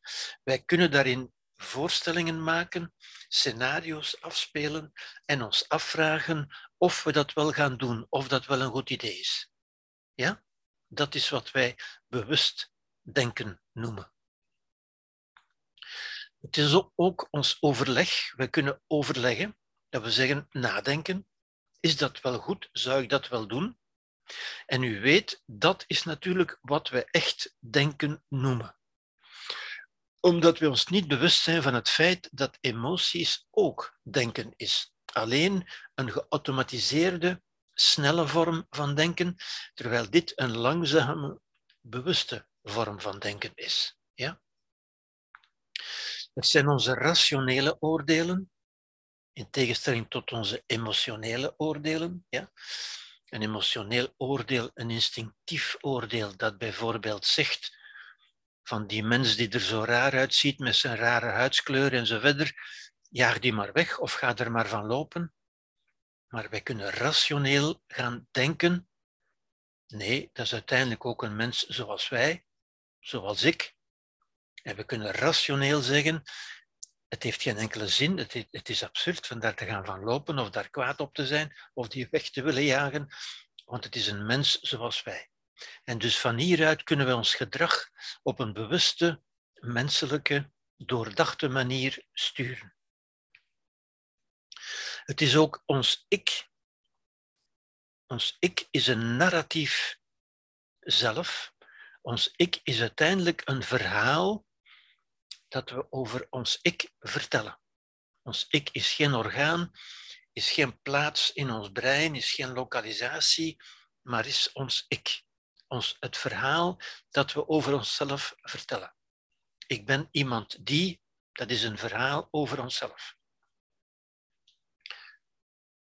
Het is die verhalen zijn in onze oordelen beginnen heel vaak met voor mij. Voor mij is dat zus, voor mij is dat zo. Voor mij betekent die realiteit dit of dat. Voor mij is dat fijn, voor mij is dat niet fijn. Voor mij is dat een belediging, voor mij is dat geen belediging, voor mij is dat een grap en zo verder. Onze oordelen. Ja? Ik noem dat ook vaak ons parlement en ik vind dat een heel goede benaming uiteindelijk. Ja? Want een parlement is voor een natie, voor een volk, dat wat het bewustzijn voor een persoon is. Namelijk de plaats, de ruimte waarin we nadenken over de dingen en wat we ermee gaan doen. In het brein komen verschillende meningen, gedachten en emoties samen en beslissen we wat we gaan doen. In het parlement komen verschillende stemmen uit de samenleving van bepaalde partijen, van, van, van groepen, van organisaties samen die hun stem laten horen. En dan wordt er in principe gezamenlijk beslist over wat we gaan doen. Dat is de taak van een parlement. En in die zin is ons bewustzijn ons parlement. Ja? En ons. Dat is dus die unieke menselijke mogelijkheid. Geen enkel ander dier kan dat. Ons bewustzijn is de ruimte waarin de werkelijkheid verschijnt. De werkelijkheid wordt pas bewust als zij in die ruimte verschijnt, als we ze hebben opgenomen in ons bewustzijn, uiteindelijk. Ja? We kunnen daarin ook denken over ons denken. We kunnen nadenken over ons denken. We kunnen onze gedachten bewust worden van onze gedachten en ons afvragen of dat nog wel goede gedachten zijn. We kunnen naar ons gedrag kijken, hoe we ons gedragen hebben en nadenken over de vraag of we ons zo wel moeten blijven gedragen of we ons niet anders kunnen gedragen. Ook dat is uiteindelijk de werking van ons parlement, zou ik zeggen. Ja? Het is ook de basis van onze vrijheid. Het is de basis van onze vrijheid omdat hierover geen wetenschap hebben. Dit is een uitspraak van Bruce Lipton. biochemist, maar die ook veel heeft nagedacht over ons leven. En die zegt, the moment you change your perception, het ogenblik dat uw perceptie verandert. En wat is de perceptie? Wel, de perceptie is dat beeld van de realiteit. Het is niet de realiteit, het is ons beeld van de realiteit. Onze perceptie noemen we dat. En we leven dus niet met de realiteit, maar we leven met de perceptie van onze realiteit. We leven met onze perceptie van de anderen, van de, van de werkelijkheid. We leven ook met onze perceptie van onszelf. Ook ons zelfbeeld is een verhaal, is een perceptie. Hoe we ons percipiëren, hoe we ons zien. En u weet dat mensen ook over zichzelf, en misschien nog vooral over zichzelf, heel rare beelden kunnen hebben die helemaal niet kloppen met hoe anderen ons percipiëren. We hebben ook beelden over de anderen, over onze partner, over, over het verleden, over de toekomst. We hebben over alles beelden, onze perceptie. En wat zei Bruce Lipton? Wel, het moment als uw perceptie verandert, want die beelden kunnen we veranderen. Ja, daar gaan we het nog over hebben natuurlijk. Hier hebben we macht.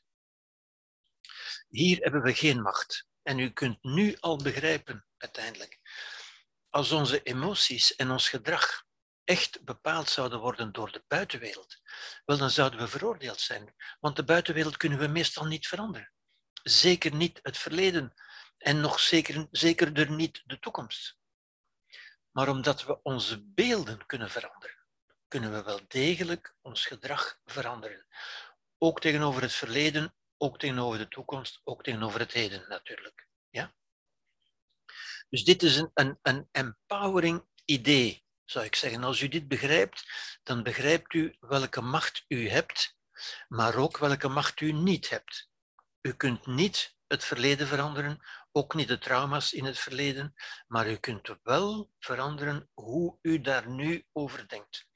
En Bruce Lipton zei: The moment you change your perception, is the moment you rewrite the chemistry of your body. En dat is wel een heel straffe, maar een heel juiste uitspraak, denk ik, waar ik helemaal achter sta. Dat zou ik zo niet tonen natuurlijk.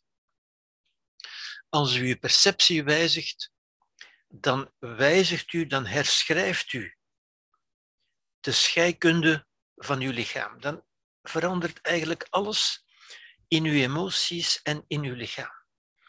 Dus hebt u macht over uw emoties? Ja. Want u kunt uw emoties beïnvloeden door de gedachten die u hebt hier. Niet rechtstreeks in uw brein, want daar, hebt u, daar hebben we geen ervaring van, maar door de gedachten die we naar dat brein sturen. Kunt u uw gedrag veranderen? Ja, natuurlijk. Ja. Door de gedachten die we naar onze emoties sturen, die we naar ons, naar ons gedrag, naar ons lichaam sturen, zou ik zeggen. Dus dat is een enorm, een enorm belangrijk inzicht. Een enorm bevrijdend, want dan begrijpt u ook dat u geen slaaf meer bent, dat u niet meer beïnvloed wordt door uw rugzak of door uw verleden, maar alleen door uw gedachten. En uw gedachten, uw voorstellingen, die kunt u wijzigen. En daar gaan we het natuurlijk nog uitgebreid over hebben, want dat is waar het essentieel over gaat. Daar ligt uw macht. Ook de therapeutische macht ligt uiteindelijk daar. Ja? Niemand kan dat voor u doen, ook geen enkele therapeut, ook geen enkele methode. Men kan u alleen uitnodigen, u, u bijna verleiden, zou ik zeggen, om uw gedachten te veranderen. Dat, dat, dat maakt meteen veel duidelijk.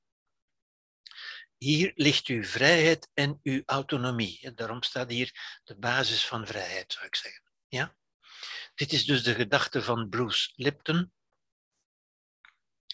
En dan begrijpt u ook, als we ons afvragen wie is ik, wie ben ik eigenlijk, een vraag die mensen zich heel vaak stellen, wel, dan begrijpt u ook, eigenlijk weten we niet wie we zijn.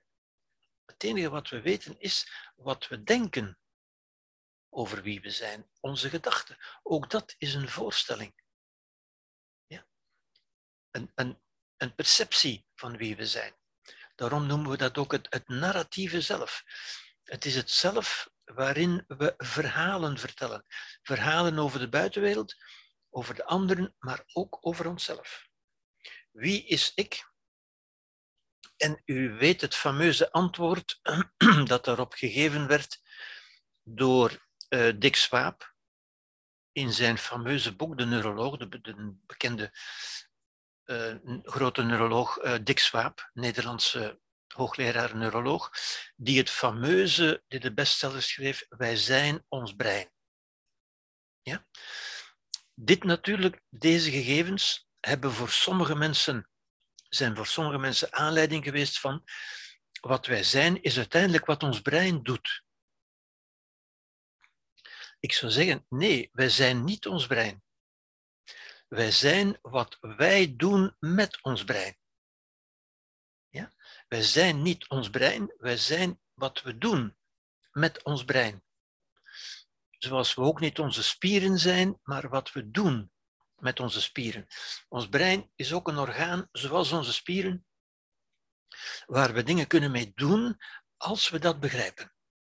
En daarom ook al die uitleg die ik u hier geef, is niet om neurologen van u te maken, maar om u te doen, om u een beeld te geven, een bruikbaar, een praktisch beeld van hoe de dingen voor ons werken. Ja? Wij zijn wat we doen met ons brein. Wat we doen met ons brein, dat is wat we kunnen noemen onze geest, onze mind, onze, onze ziel, als u wil. En u weet natuurlijk ook,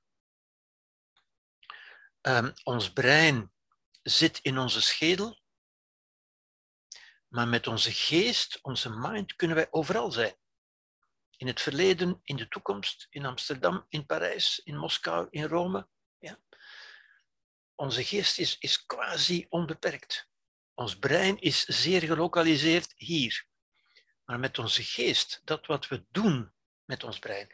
En dan snapt u ook, onze geest is, een, is niet een ding, geen, geen orgaan, maar iets wat wij doen. Een actief iets, een dynamisch iets. Waar we dingen kunnen mee doen, waar we ons kunnen mee verplaatsen over de hele wereld. Waarmee we ons ook danig gelukkig en ongelukkig kunnen maken. Ja? Daar zal het natuurlijk over gaan verder. Er zijn natuurlijk de vraag stelt zich dan, als we beseffen dat dit ons parlement is, dan beseft u ook de vrijheid en de vraag die u zich, u, u zich kunt stellen, leef ik in een emotionele dictatuur of in een parlementaire democratie? Een belangrijke vraag, want er zijn mensen die denken, ook dat is denken natuurlijk, ook dat is een, een voorstelling, die denken dat ons emotionele brein, of zelfs ons lichaam diepere waarheden bevat dan die wij met ons arme brein zouden kunnen bedenken. U begrijpt natuurlijk dat ik het daar niet mee eens ben. Ja? Hierin zitten waarheden, maar geen waarheden die we niet met ons brein zouden kunnen begrijpen. We zijn bezig dat te doen en dan snappen we ook, onze emoties zijn niet bedoeld om ons gelukkig te maken, ook niet om ons ongelukkig te maken of om de wereld te doen kennen, maar wel om snel te oordelen over de wereld, om ons te doen overleven. Ze zijn er voor onze overleving, niet voor ons plezier of voor ons geluk. En dus op die vraag kunt u nu voor uzelf een antwoord geven. Ja? wil u leven vanuit uw emoties, dat zou ik dan noemen een emotionele dictatuur, of zelfs vanuit uw lichaam. Sommige mensen denken dat, dat ze vanuit hun lichaam kunnen leven, dat hun lichaam uh, waarheden verkondigt en, en meedeelt. Ja? Of vanuit uw, vanuit uw denkvermogen, vanuit uw narratieve vermogen, vanuit uw voorstellingsvermogen. Ik zeg u dus niet wat u moet doen natuurlijk, ja, en dat is typisch voor, voor een filosofische uiteenzetting. Ik geef u een schema, een map, een kaart van hoe de mens werkt, hoe u dingen kunt doen, wat de mogelijkheden zijn. Ik zeg u natuurlijk niet, en dat staat hier ook niet op, wat u moet doen. Ja? En dat verklaart, dat verklaart meteen ook waarom de wetenschap ons niet kan helpen. Wetenschap kan ons helpen te begrijpen dat het zo in elkaar zit, dat het zo werkt. Maar wetenschap kan ons niet zeggen wat wij moeten doen daarmee. Of we naar ons brein moeten luisteren, naar ons narratieve brein, of naar onze emoties, of naar ons lichaam. Dat is onze keuze, wat wij geloven. En dus dat is de basis van vrijheid. En waar vrijheid is, is geen wetenschap. Ja? Wetenschap leeft, bestaat op grond van onvrijheid, van voorspelbaarheid, van wetmatigheid, van altijd hetzelfde gedrag en kan niets met vrijheid. Vandaar dat ik u ook zeg, het gaat niet over wetenschap, maar wel, ja, we maken hier gebruik van inzichten die de wetenschap ons mee heeft doen ontdekken natuurlijk, maar het maakt ons vrij. Dat bewustzijn maakt ons vrij bijvoorbeeld van de buitenwereld, dan beseffen we dat de buitenwereld, ook niet die van het verleden, niets aan ons doet, maar wel onze binnenwereld. Ja? En dus de vraag is, leven we, willen we leven in een emotionele dictatuur of in een parlementaire democratie? En dan begrijpt u ook, wat ik daarnet al heb gezegd, ons brein bevindt zich in de schedel, maar onze geest kan overal zijn. Onze geest, en dan, dan begrijpt u ook mijn, waarom ik zeg dat dat zo'n wonderlijk vermogen is, dat, dat de wetenschap ook niet kan verklaren. Ja? Het feit dat we met onze mind, zo met, ons, met onze geest, met onze ziel, als u wil, met onze psyche, zoveel kunnen doen en zoveel doen, zoveel mogelijkheden hebben, zoveel vrijheid hebben en daar vaak uiteindelijk zo weinig mee doen. Goed, dus dit is het beeld van de mens waarmee we gaan verder werken. Ik zou hiermee voor deze avond willen afronden, om misschien ook nog een beetje ruimte te laten voor vragen. Ik zou alleen nog, denk ik, eh, de conclusie is dus, een mens wordt niet gemaakt door de feiten, en ik zet het met opzet zo natuurlijk, omdat mensen vaak zeggen, dit of dat heeft mij zo gemaakt of maakt mij zo. Ja. U begrijpt, dat, dat, u begrijpt nu, hoop ik, dat dat niet zo is, maar dat u uzelf maakt van binnenuit. Ja? De feiten zijn voorbij. Alleen de voorstelling, het verhaal of de conclusie blijft. En dat is waar we mee verder leven. Dat is wat mensen dan de, rugzak noemen, zogezegd, maar u begrijpt, dat is een volkomen virtuele. Er is geen rugzak. Er is alleen uw denken, uw verhalen, uw conclusies over wat er gebeurd is in het verleden. En dat heeft natuurlijk, daar zullen we op terugkomen, alles te maken met wat we doen met uh, zogenaamde trauma's. En die voorstellingen is wat de mens maakt en wij maken onszelf omdat wij erop reageren, door onze reacties. Het zijn onze reacties. Ja? Niets doet iets, het virus doet niets aan ons. Ja? Het zijn onze reacties die ons gelukkig of ongelukkig, of die ons lichaam ziek of niet ziek maken. Ja. Oké. Ehm, dus dat hebben we gehad, die punten hebben we gehad. Ja. Uh, volgende keer gaan we dan verder met een, met een volgend punt, zou ik zeggen. En ik zou hier um, deze voorstelling, deze presentatie willen beëindigen om eventueel nog wat mogelijkheid te laten voor vragen, als, dat, als u die zou hebben.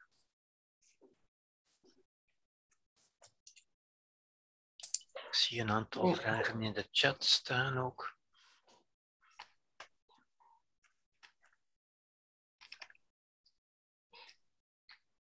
Voel u alstublieft heel erg vrij om een eh, vraag of een bedenking te, te, maken.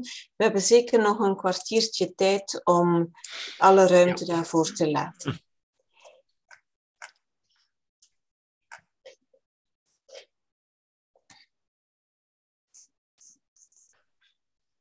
Je kan misschien best je hand opsteken als dit, eh, want dan is het makkelijker, dan ziet Gerbert onmiddellijk uh, wie een vraag wilt stellen. Mhm. Maar je mag ze ook in de chat zetten, als dat makkelijker is.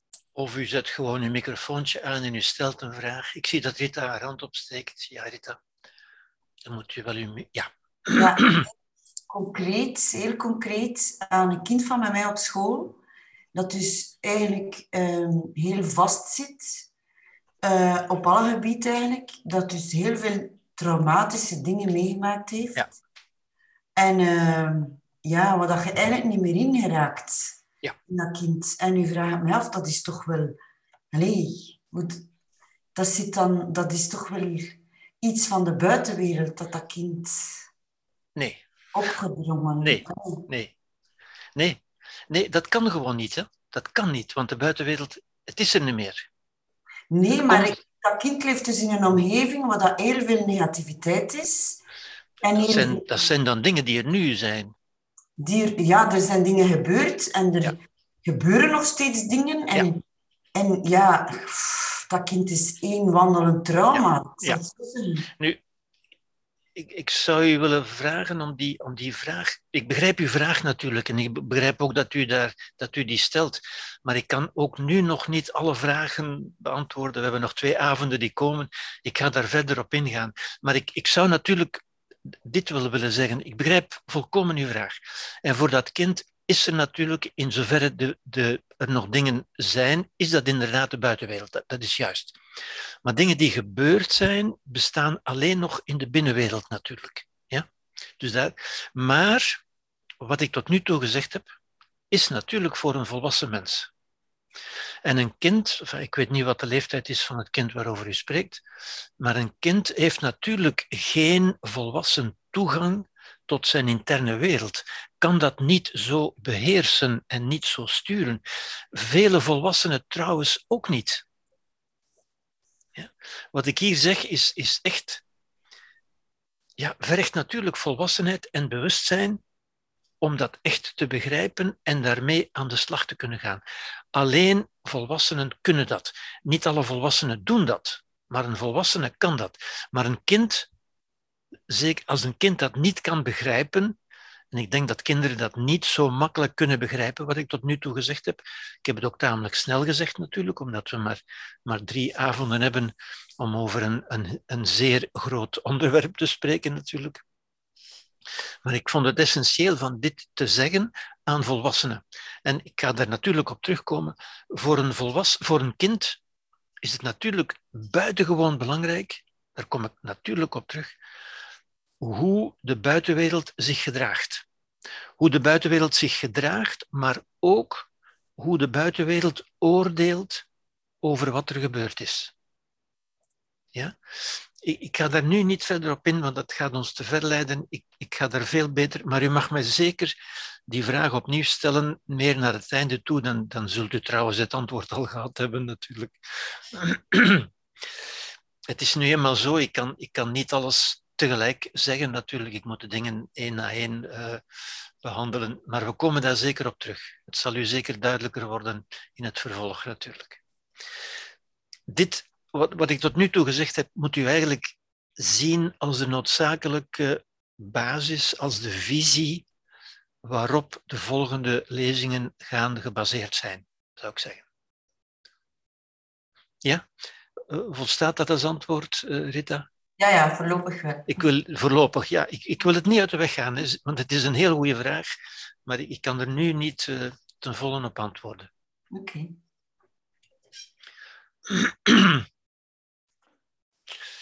Zijn er nog andere vragen?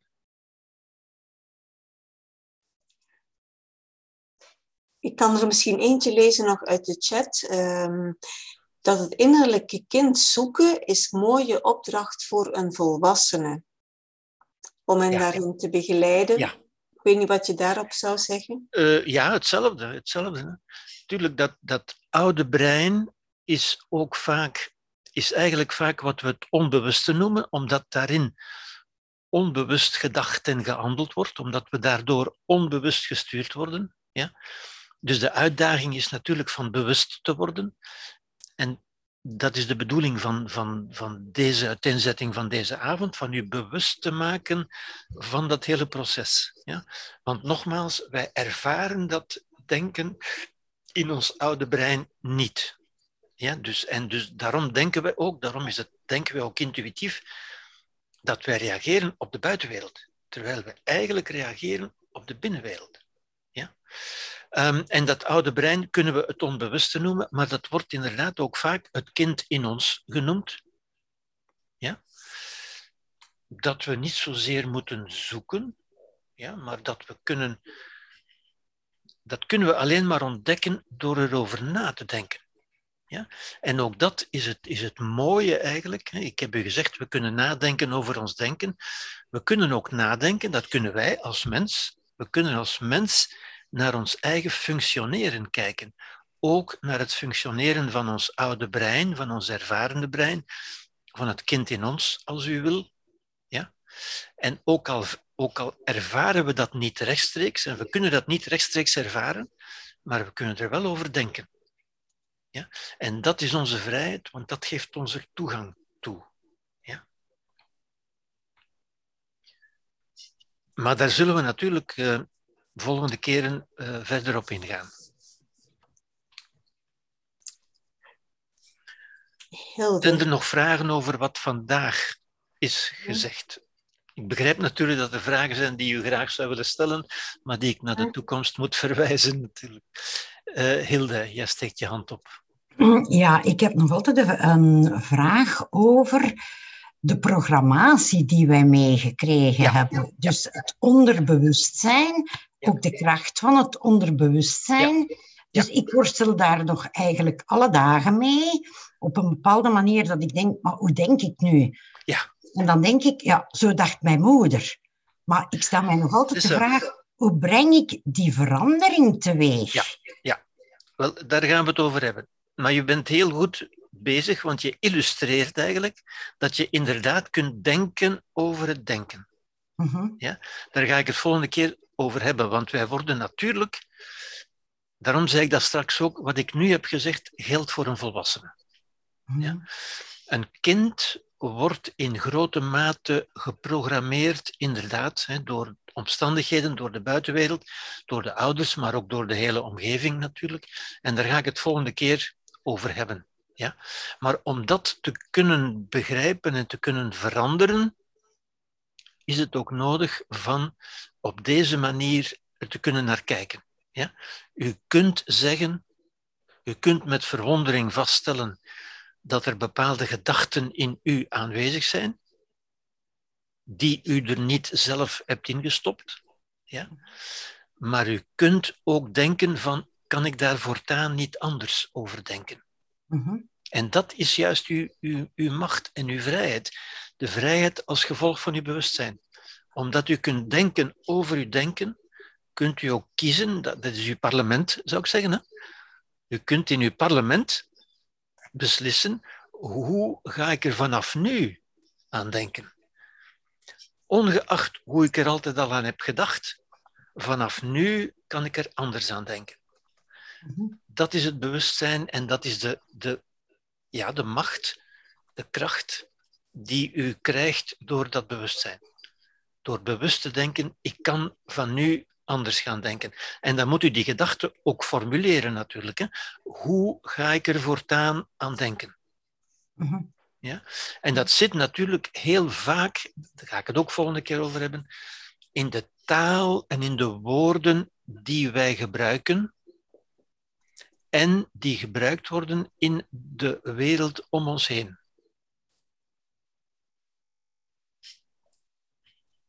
Ja? Ja, ik stel mij nog altijd de vraag. Ik, ik zoek nog altijd zo'n beetje naar het wondermiddel. Is dat dan neurolinguistisch programmeren? Zijn dat affirmaties? Is dat mindfulness? Wat u daar noemt zijn allemaal methoden, zou ik zeggen. Ja? Maar het wondermiddel, dat bent u zelf. Dat is uw bewustzijn. Mhm. Ongeacht welke methode u gebruikt of naar welke therapeut u gaat, niemand kan dat in uw brein veranderen, tenzij jezelf. Jijzelf kunt beslissen, vanaf nu ga ik er anders over denken. En dan moet je ook kiezen hoe je er gaat over denken. En dat gebeurt dan vaak natuurlijk onder invloed van een therapeut of onder invloed van een boek dat je gelezen hebt of een film of van de omgeving. En dat is natuurlijk het, parlementaire werk, zou ik zeggen. Hè? Hoe, hoe kunnen we erover denken? Hoe denken andere mensen erover? En hoe ga ik er voortaan over denken? En natuurlijk, hoe andere mensen erover denken, dat zijn de sociale clichés die wij horen, waar ik het ook zal over hebben natuurlijk, ja, heeft een hypnotiserende, formaterende invloed op hoe wij denken. Maar een invloed waar we ons ook weer bewust van kunnen worden. U, u, kunt zeggen, als volwassene, ik hoor wel dat iedereen denkt dat en dat iedereen zegt dat, maar ik wil er toch anders over denken. Ja. Wat eigenlijk geïllustreerd wordt op, op een, op een ja, misschien minder aangename manier, zou ik zeggen, hè? door mensen die weigeren zich te laten vaccineren, bijvoorbeeld. Ja? Die horen ook, iedereen zegt dat ik dat moet doen, maar ik doe toch iets anders. Wel, die manifesteren eigenlijk hun vrijheid. Dat is een echte vrijheid. Ja? Want zij kunnen dat beslissen. Zo kunt u ook beslissen voor uzelf. U kunt luisteren naar wat anderen erover zeggen, wat, wat in boeken staat en wat therapeuten zeggen, of wat ik, zeggen, wat ik zeg. En u kunt dan ook beslissen, zo wil ik er voortaan gaan overdenken. Ja, zo ga ik erover denken. Dat is echt, daarom vind ik het, het, idee van een parlement ook zo goed. Ja? Want in een parlement wordt, ge, wordt ge, gesproken. Ja? Ik vind het ook altijd zo, zo denigrerend en het ergert mij in feite als mensen zeggen, ik hoorde net al straks nog op het nieuws, dat er gekibbeld wordt. Dat, dat, dat is zo onnozel, zo, zo denigrerend in een parlement wordt gesproken en wordt naar elkaar geluisterd, en soms maar half en soms ook niet, en dat is altijd onvolmaakt natuurlijk, maar dat is een belangrijke vorm van beschaving.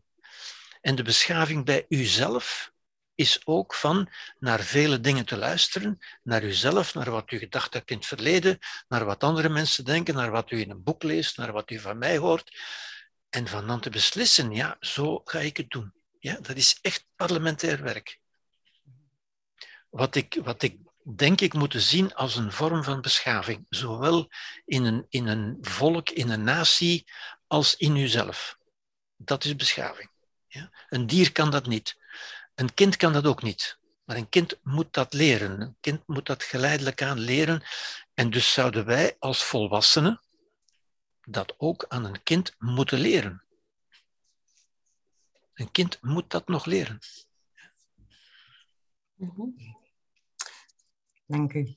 Er zijn nog een paar bedenkingen gemaakt in de chat. Willen de mensen ze zelf stellen? Want uh, uh, er zijn wel interessante bij.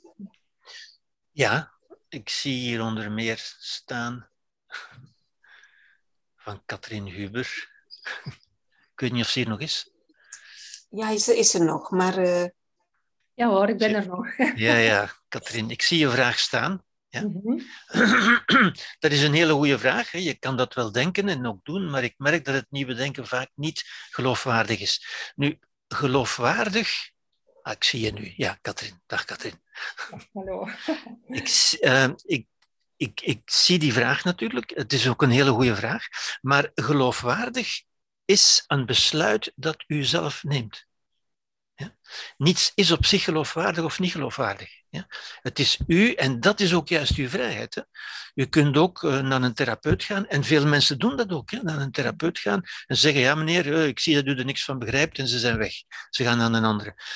Dat is uw keuze, wat u wil geloven of niet. Ja? Geen, niemand, geen enkele therapeut of geen enkele methode kan u iets doen geloven dat u niet wil geloven. Mhm. Ja? En dat is juist uw vrijheid. En daarom is juist een, een filosofische uiteenzetting zoals deze belangrijk. Ja? Want dan ziet u, dan hoort u, dan ziet u wat mogelijk is.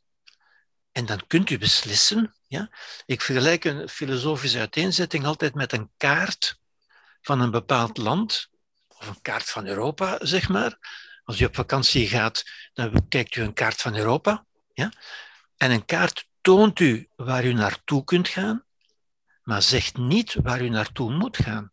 dat is uw eigen keuze. Of je naar Turkije gaat, of naar Italië, of, of, naar, of naar Litouwen, dat, dat is uw keuze. En die keuze gebeurt in uw parlement. Zou het kunnen dat er dan misschien... ehm, ik, ik gebruik het vaak in mijn eh, therapeutische sessies, hè, om eh, mee te geven van tracht er eens naar te kijken dat je minder lijdt. Hè. Dat is ook iets Ja. dat, dat ik Ja. uit uw podcast eh, meegenomen heb. En dan merk ik wel dat rationeel eh, heel vaak de mensen daarbij mee zijn. Van, goh, dat is een goede raadgeving. Hè? Te Ja. kijken dat ik minder lijd, want dat lijden brengt weinig Ja. op. Ja. Maar dan merk ik dat er, denk ik, nog te veel emotie op zit om het altijd te kunnen doen. Dat begrijp ik ook. En daar hebt u helemaal gelijk in, dat, dat is ook zo. Maar dat is niet omdat u als therapeut faalt, Nee. maar omdat zij dat nog niet helemaal geïntegreerd hebben. Ja, Ja. Wat, wat ik altijd zeg ook is, is zijn massa's mensen, of enfin, veel mensen die zeggen, ik zou willen stoppen met roken, maar, maar ze doen het niet. Wel, dan zijn ze nog niet echt overtuigd dat stoppen met roken beter zou zijn. Mhm. Dan zijn ze, en dat kunt, daar kunt u hen ook niet van overtuigen hoor.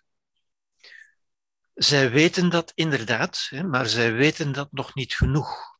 Ze zijn er niet van doordrongen. Ja? Ja. En dat is moeilijk om, om uit te leggen tegen mensen. En omdat mensen ook niet begrijpen, ik hoop dat, dat u het nu wel begrijpt, Mhm. dat emoties ook oordelen zijn, ook een vorm van denken zijn. Ja? Maar ze, denk, ze denken dan, ze denken, ja, ik weet het wel, maar mijn emoties weten het nog niet, of mijn lichaam wil niet, of zoiets. Ja? Ja, ja. En, en daarom leg ik ook de nadruk op die, op die existentiële eenheid in feite tussen denken, emoties en lichaam. Uw lichaam heeft geen, geen, geen aparte wil voor u, heeft geen bedoelingen. Uw emoties ook niet. Ja? Het is u, die, of de mens, die niet genoeg weet, niet genoeg doordrongen is. Mhm. Omdat we dat ook, denk ik voor een stuk, omdat we dat ook niet van, van jongs af aan meekrijgen, omdat dat contra-intuïtief is. We, we leven in die emo-cultuur die, waarin men ons zegt, dat zijn juist de sociale clichés, waar, waarmee we gehypnotiseerd blijven worden, van dit doet dat met u en dat doet dat met u. Dat, dat, en als je dat hebt meegemaakt, dan is dat het gevolg en zo verder. En men, men, ja, men, ik zou bijna zeggen, men, men zet mensen niet in hun kracht. Men, men geeft ze niet de, de inzichten, de tools, zou ik bijna zeggen, om, om hun, in hun interne wereld, hun interne wereld, die hun echte wereld is, ja, om die te, te herschikken, om die te, te updaten, zou ik zeggen. Mhm, mhm. Ja? Oké. Begrijp je me, uh, Ja, ja, absoluut, absoluut. Dank je wel. Ik, ik vind het ook een heel goede vraag, want daar word je inderdaad als therapeut, maar ook als gewoon mens, in gewone gesprekken, voortdurend mee geconfronteerd. En dat is omdat mensen niet genoeg, dat, dat is nu mijn visie natuurlijk, hè, omdat ze niet genoeg de visie hebben die ik nu heb meegegeven hier. Ja. En ik, ik, denk dat het onze taak is, ik zeg ook vaak therapie is, is, is vaak een, een aanvulling van de opvoeding. In therapie moet je doen wat in de opvoeding niet is gebeurd.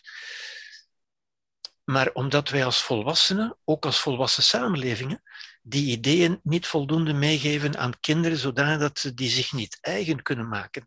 En dat het dan achteraf, zoals nu bijvoorbeeld, als een verrassing komt, hè, van, van ja, maar alleen dat kan toch niet, want ik heb toch gehoord dat en zo verder. Mm -hmm. Is misschien ook eens een uh, sessie waard hoe dat we dat kunnen doen met kinderen. zeker, zeker, ja, ja zeker, zeker. Ja. Want je kunt dat aan kinderen natuurlijk niet zo meegeven als ik dat nu meegeef. Ook in therapie niet hoor. Ja, dat, dat weet je goed genoeg natuurlijk. Hè? Ja, ja. In therapie moet je dat ook in, in homeopathische dosissen toedienen en, en geleidelijk. Uh, ja. En aan kinderen ook. Maar je kunt aan kinderen dingen zeggen, maar niet op de manier die ik nu gebruikt heb natuurlijk. Hè? Mm-hmm. Maar ik denk dat we dat als doelstelling. Een volwassene moet dit begrijpen om het dan op een gepaste manier aan dat kind geleidelijk te kunnen, te kunnen meegeven, denk ik. Mm-hmm. Dat is mooi. Ben je, ben je het daarmee eens, Katrien? Absoluut, absoluut. Ja. ja. Dank u wel, Gerbert. Oké. Okay. We hebben nog heel even ruimte. Want Ik weet niet, Suzanne, of je je bedenking of je bezorgdheid even zelf wil uitspreken.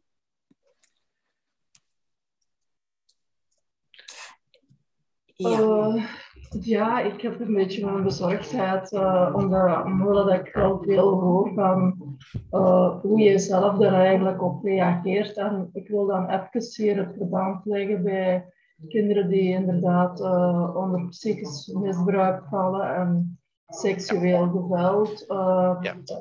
ik, ik merk heel veel dat kinderen of volwassenen nu ook nog onder schuldgevoelens en schaamte zitten. Ja. Ja. Terwijl dat ik wel psycho-educatie belangrijk vind, dat mensen weten dat het een uh, instinctieve reactie is van trauma.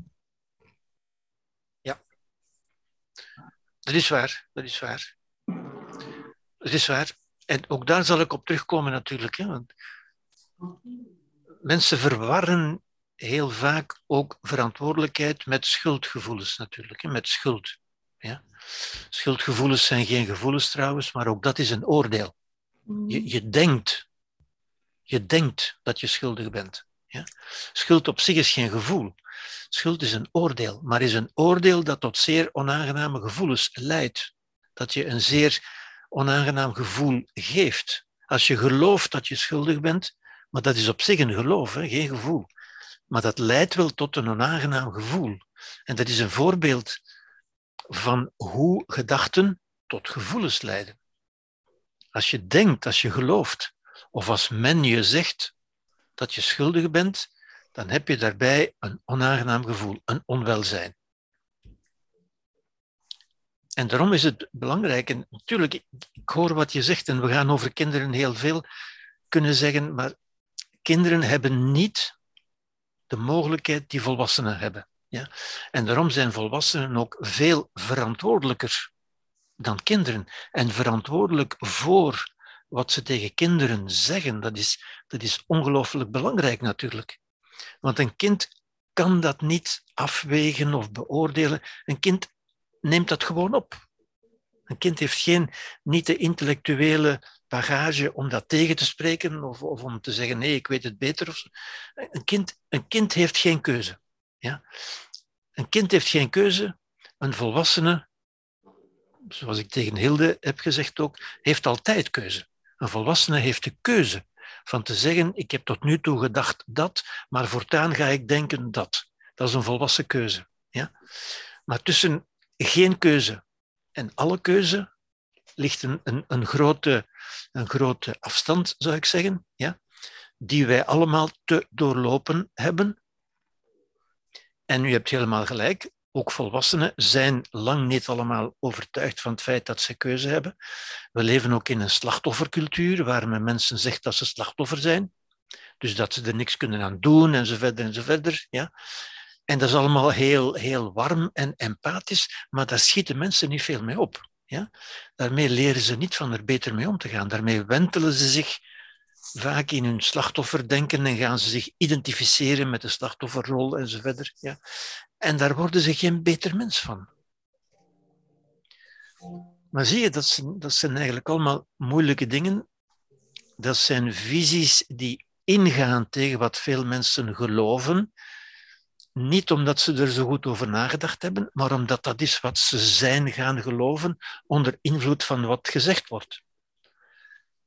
En mensen verzetten zich daar vaak tegen, van, van, van ze, ze, ze vinden het vaak moeilijk. Hè. Ik zie het daar ergens ook staan in, in de chat, van het is toch moeilijk. Dat is de eerste reactie, het is toch moeilijk. Op zich is dat niet moeilijk. Het is alleen ongewoon omdat we er zo niet hebben leren over denken, is dat ongewoon en moeten we onze, onze mentale bemeubeling, onze mentale uh, inwendige architectuur, zou ik zeggen, herschikken. Moeten we er anders gaan over denken. Ja? En ik hoop dat u dat een beetje zult doen tegen, tegen volgende keer natuurlijk ook.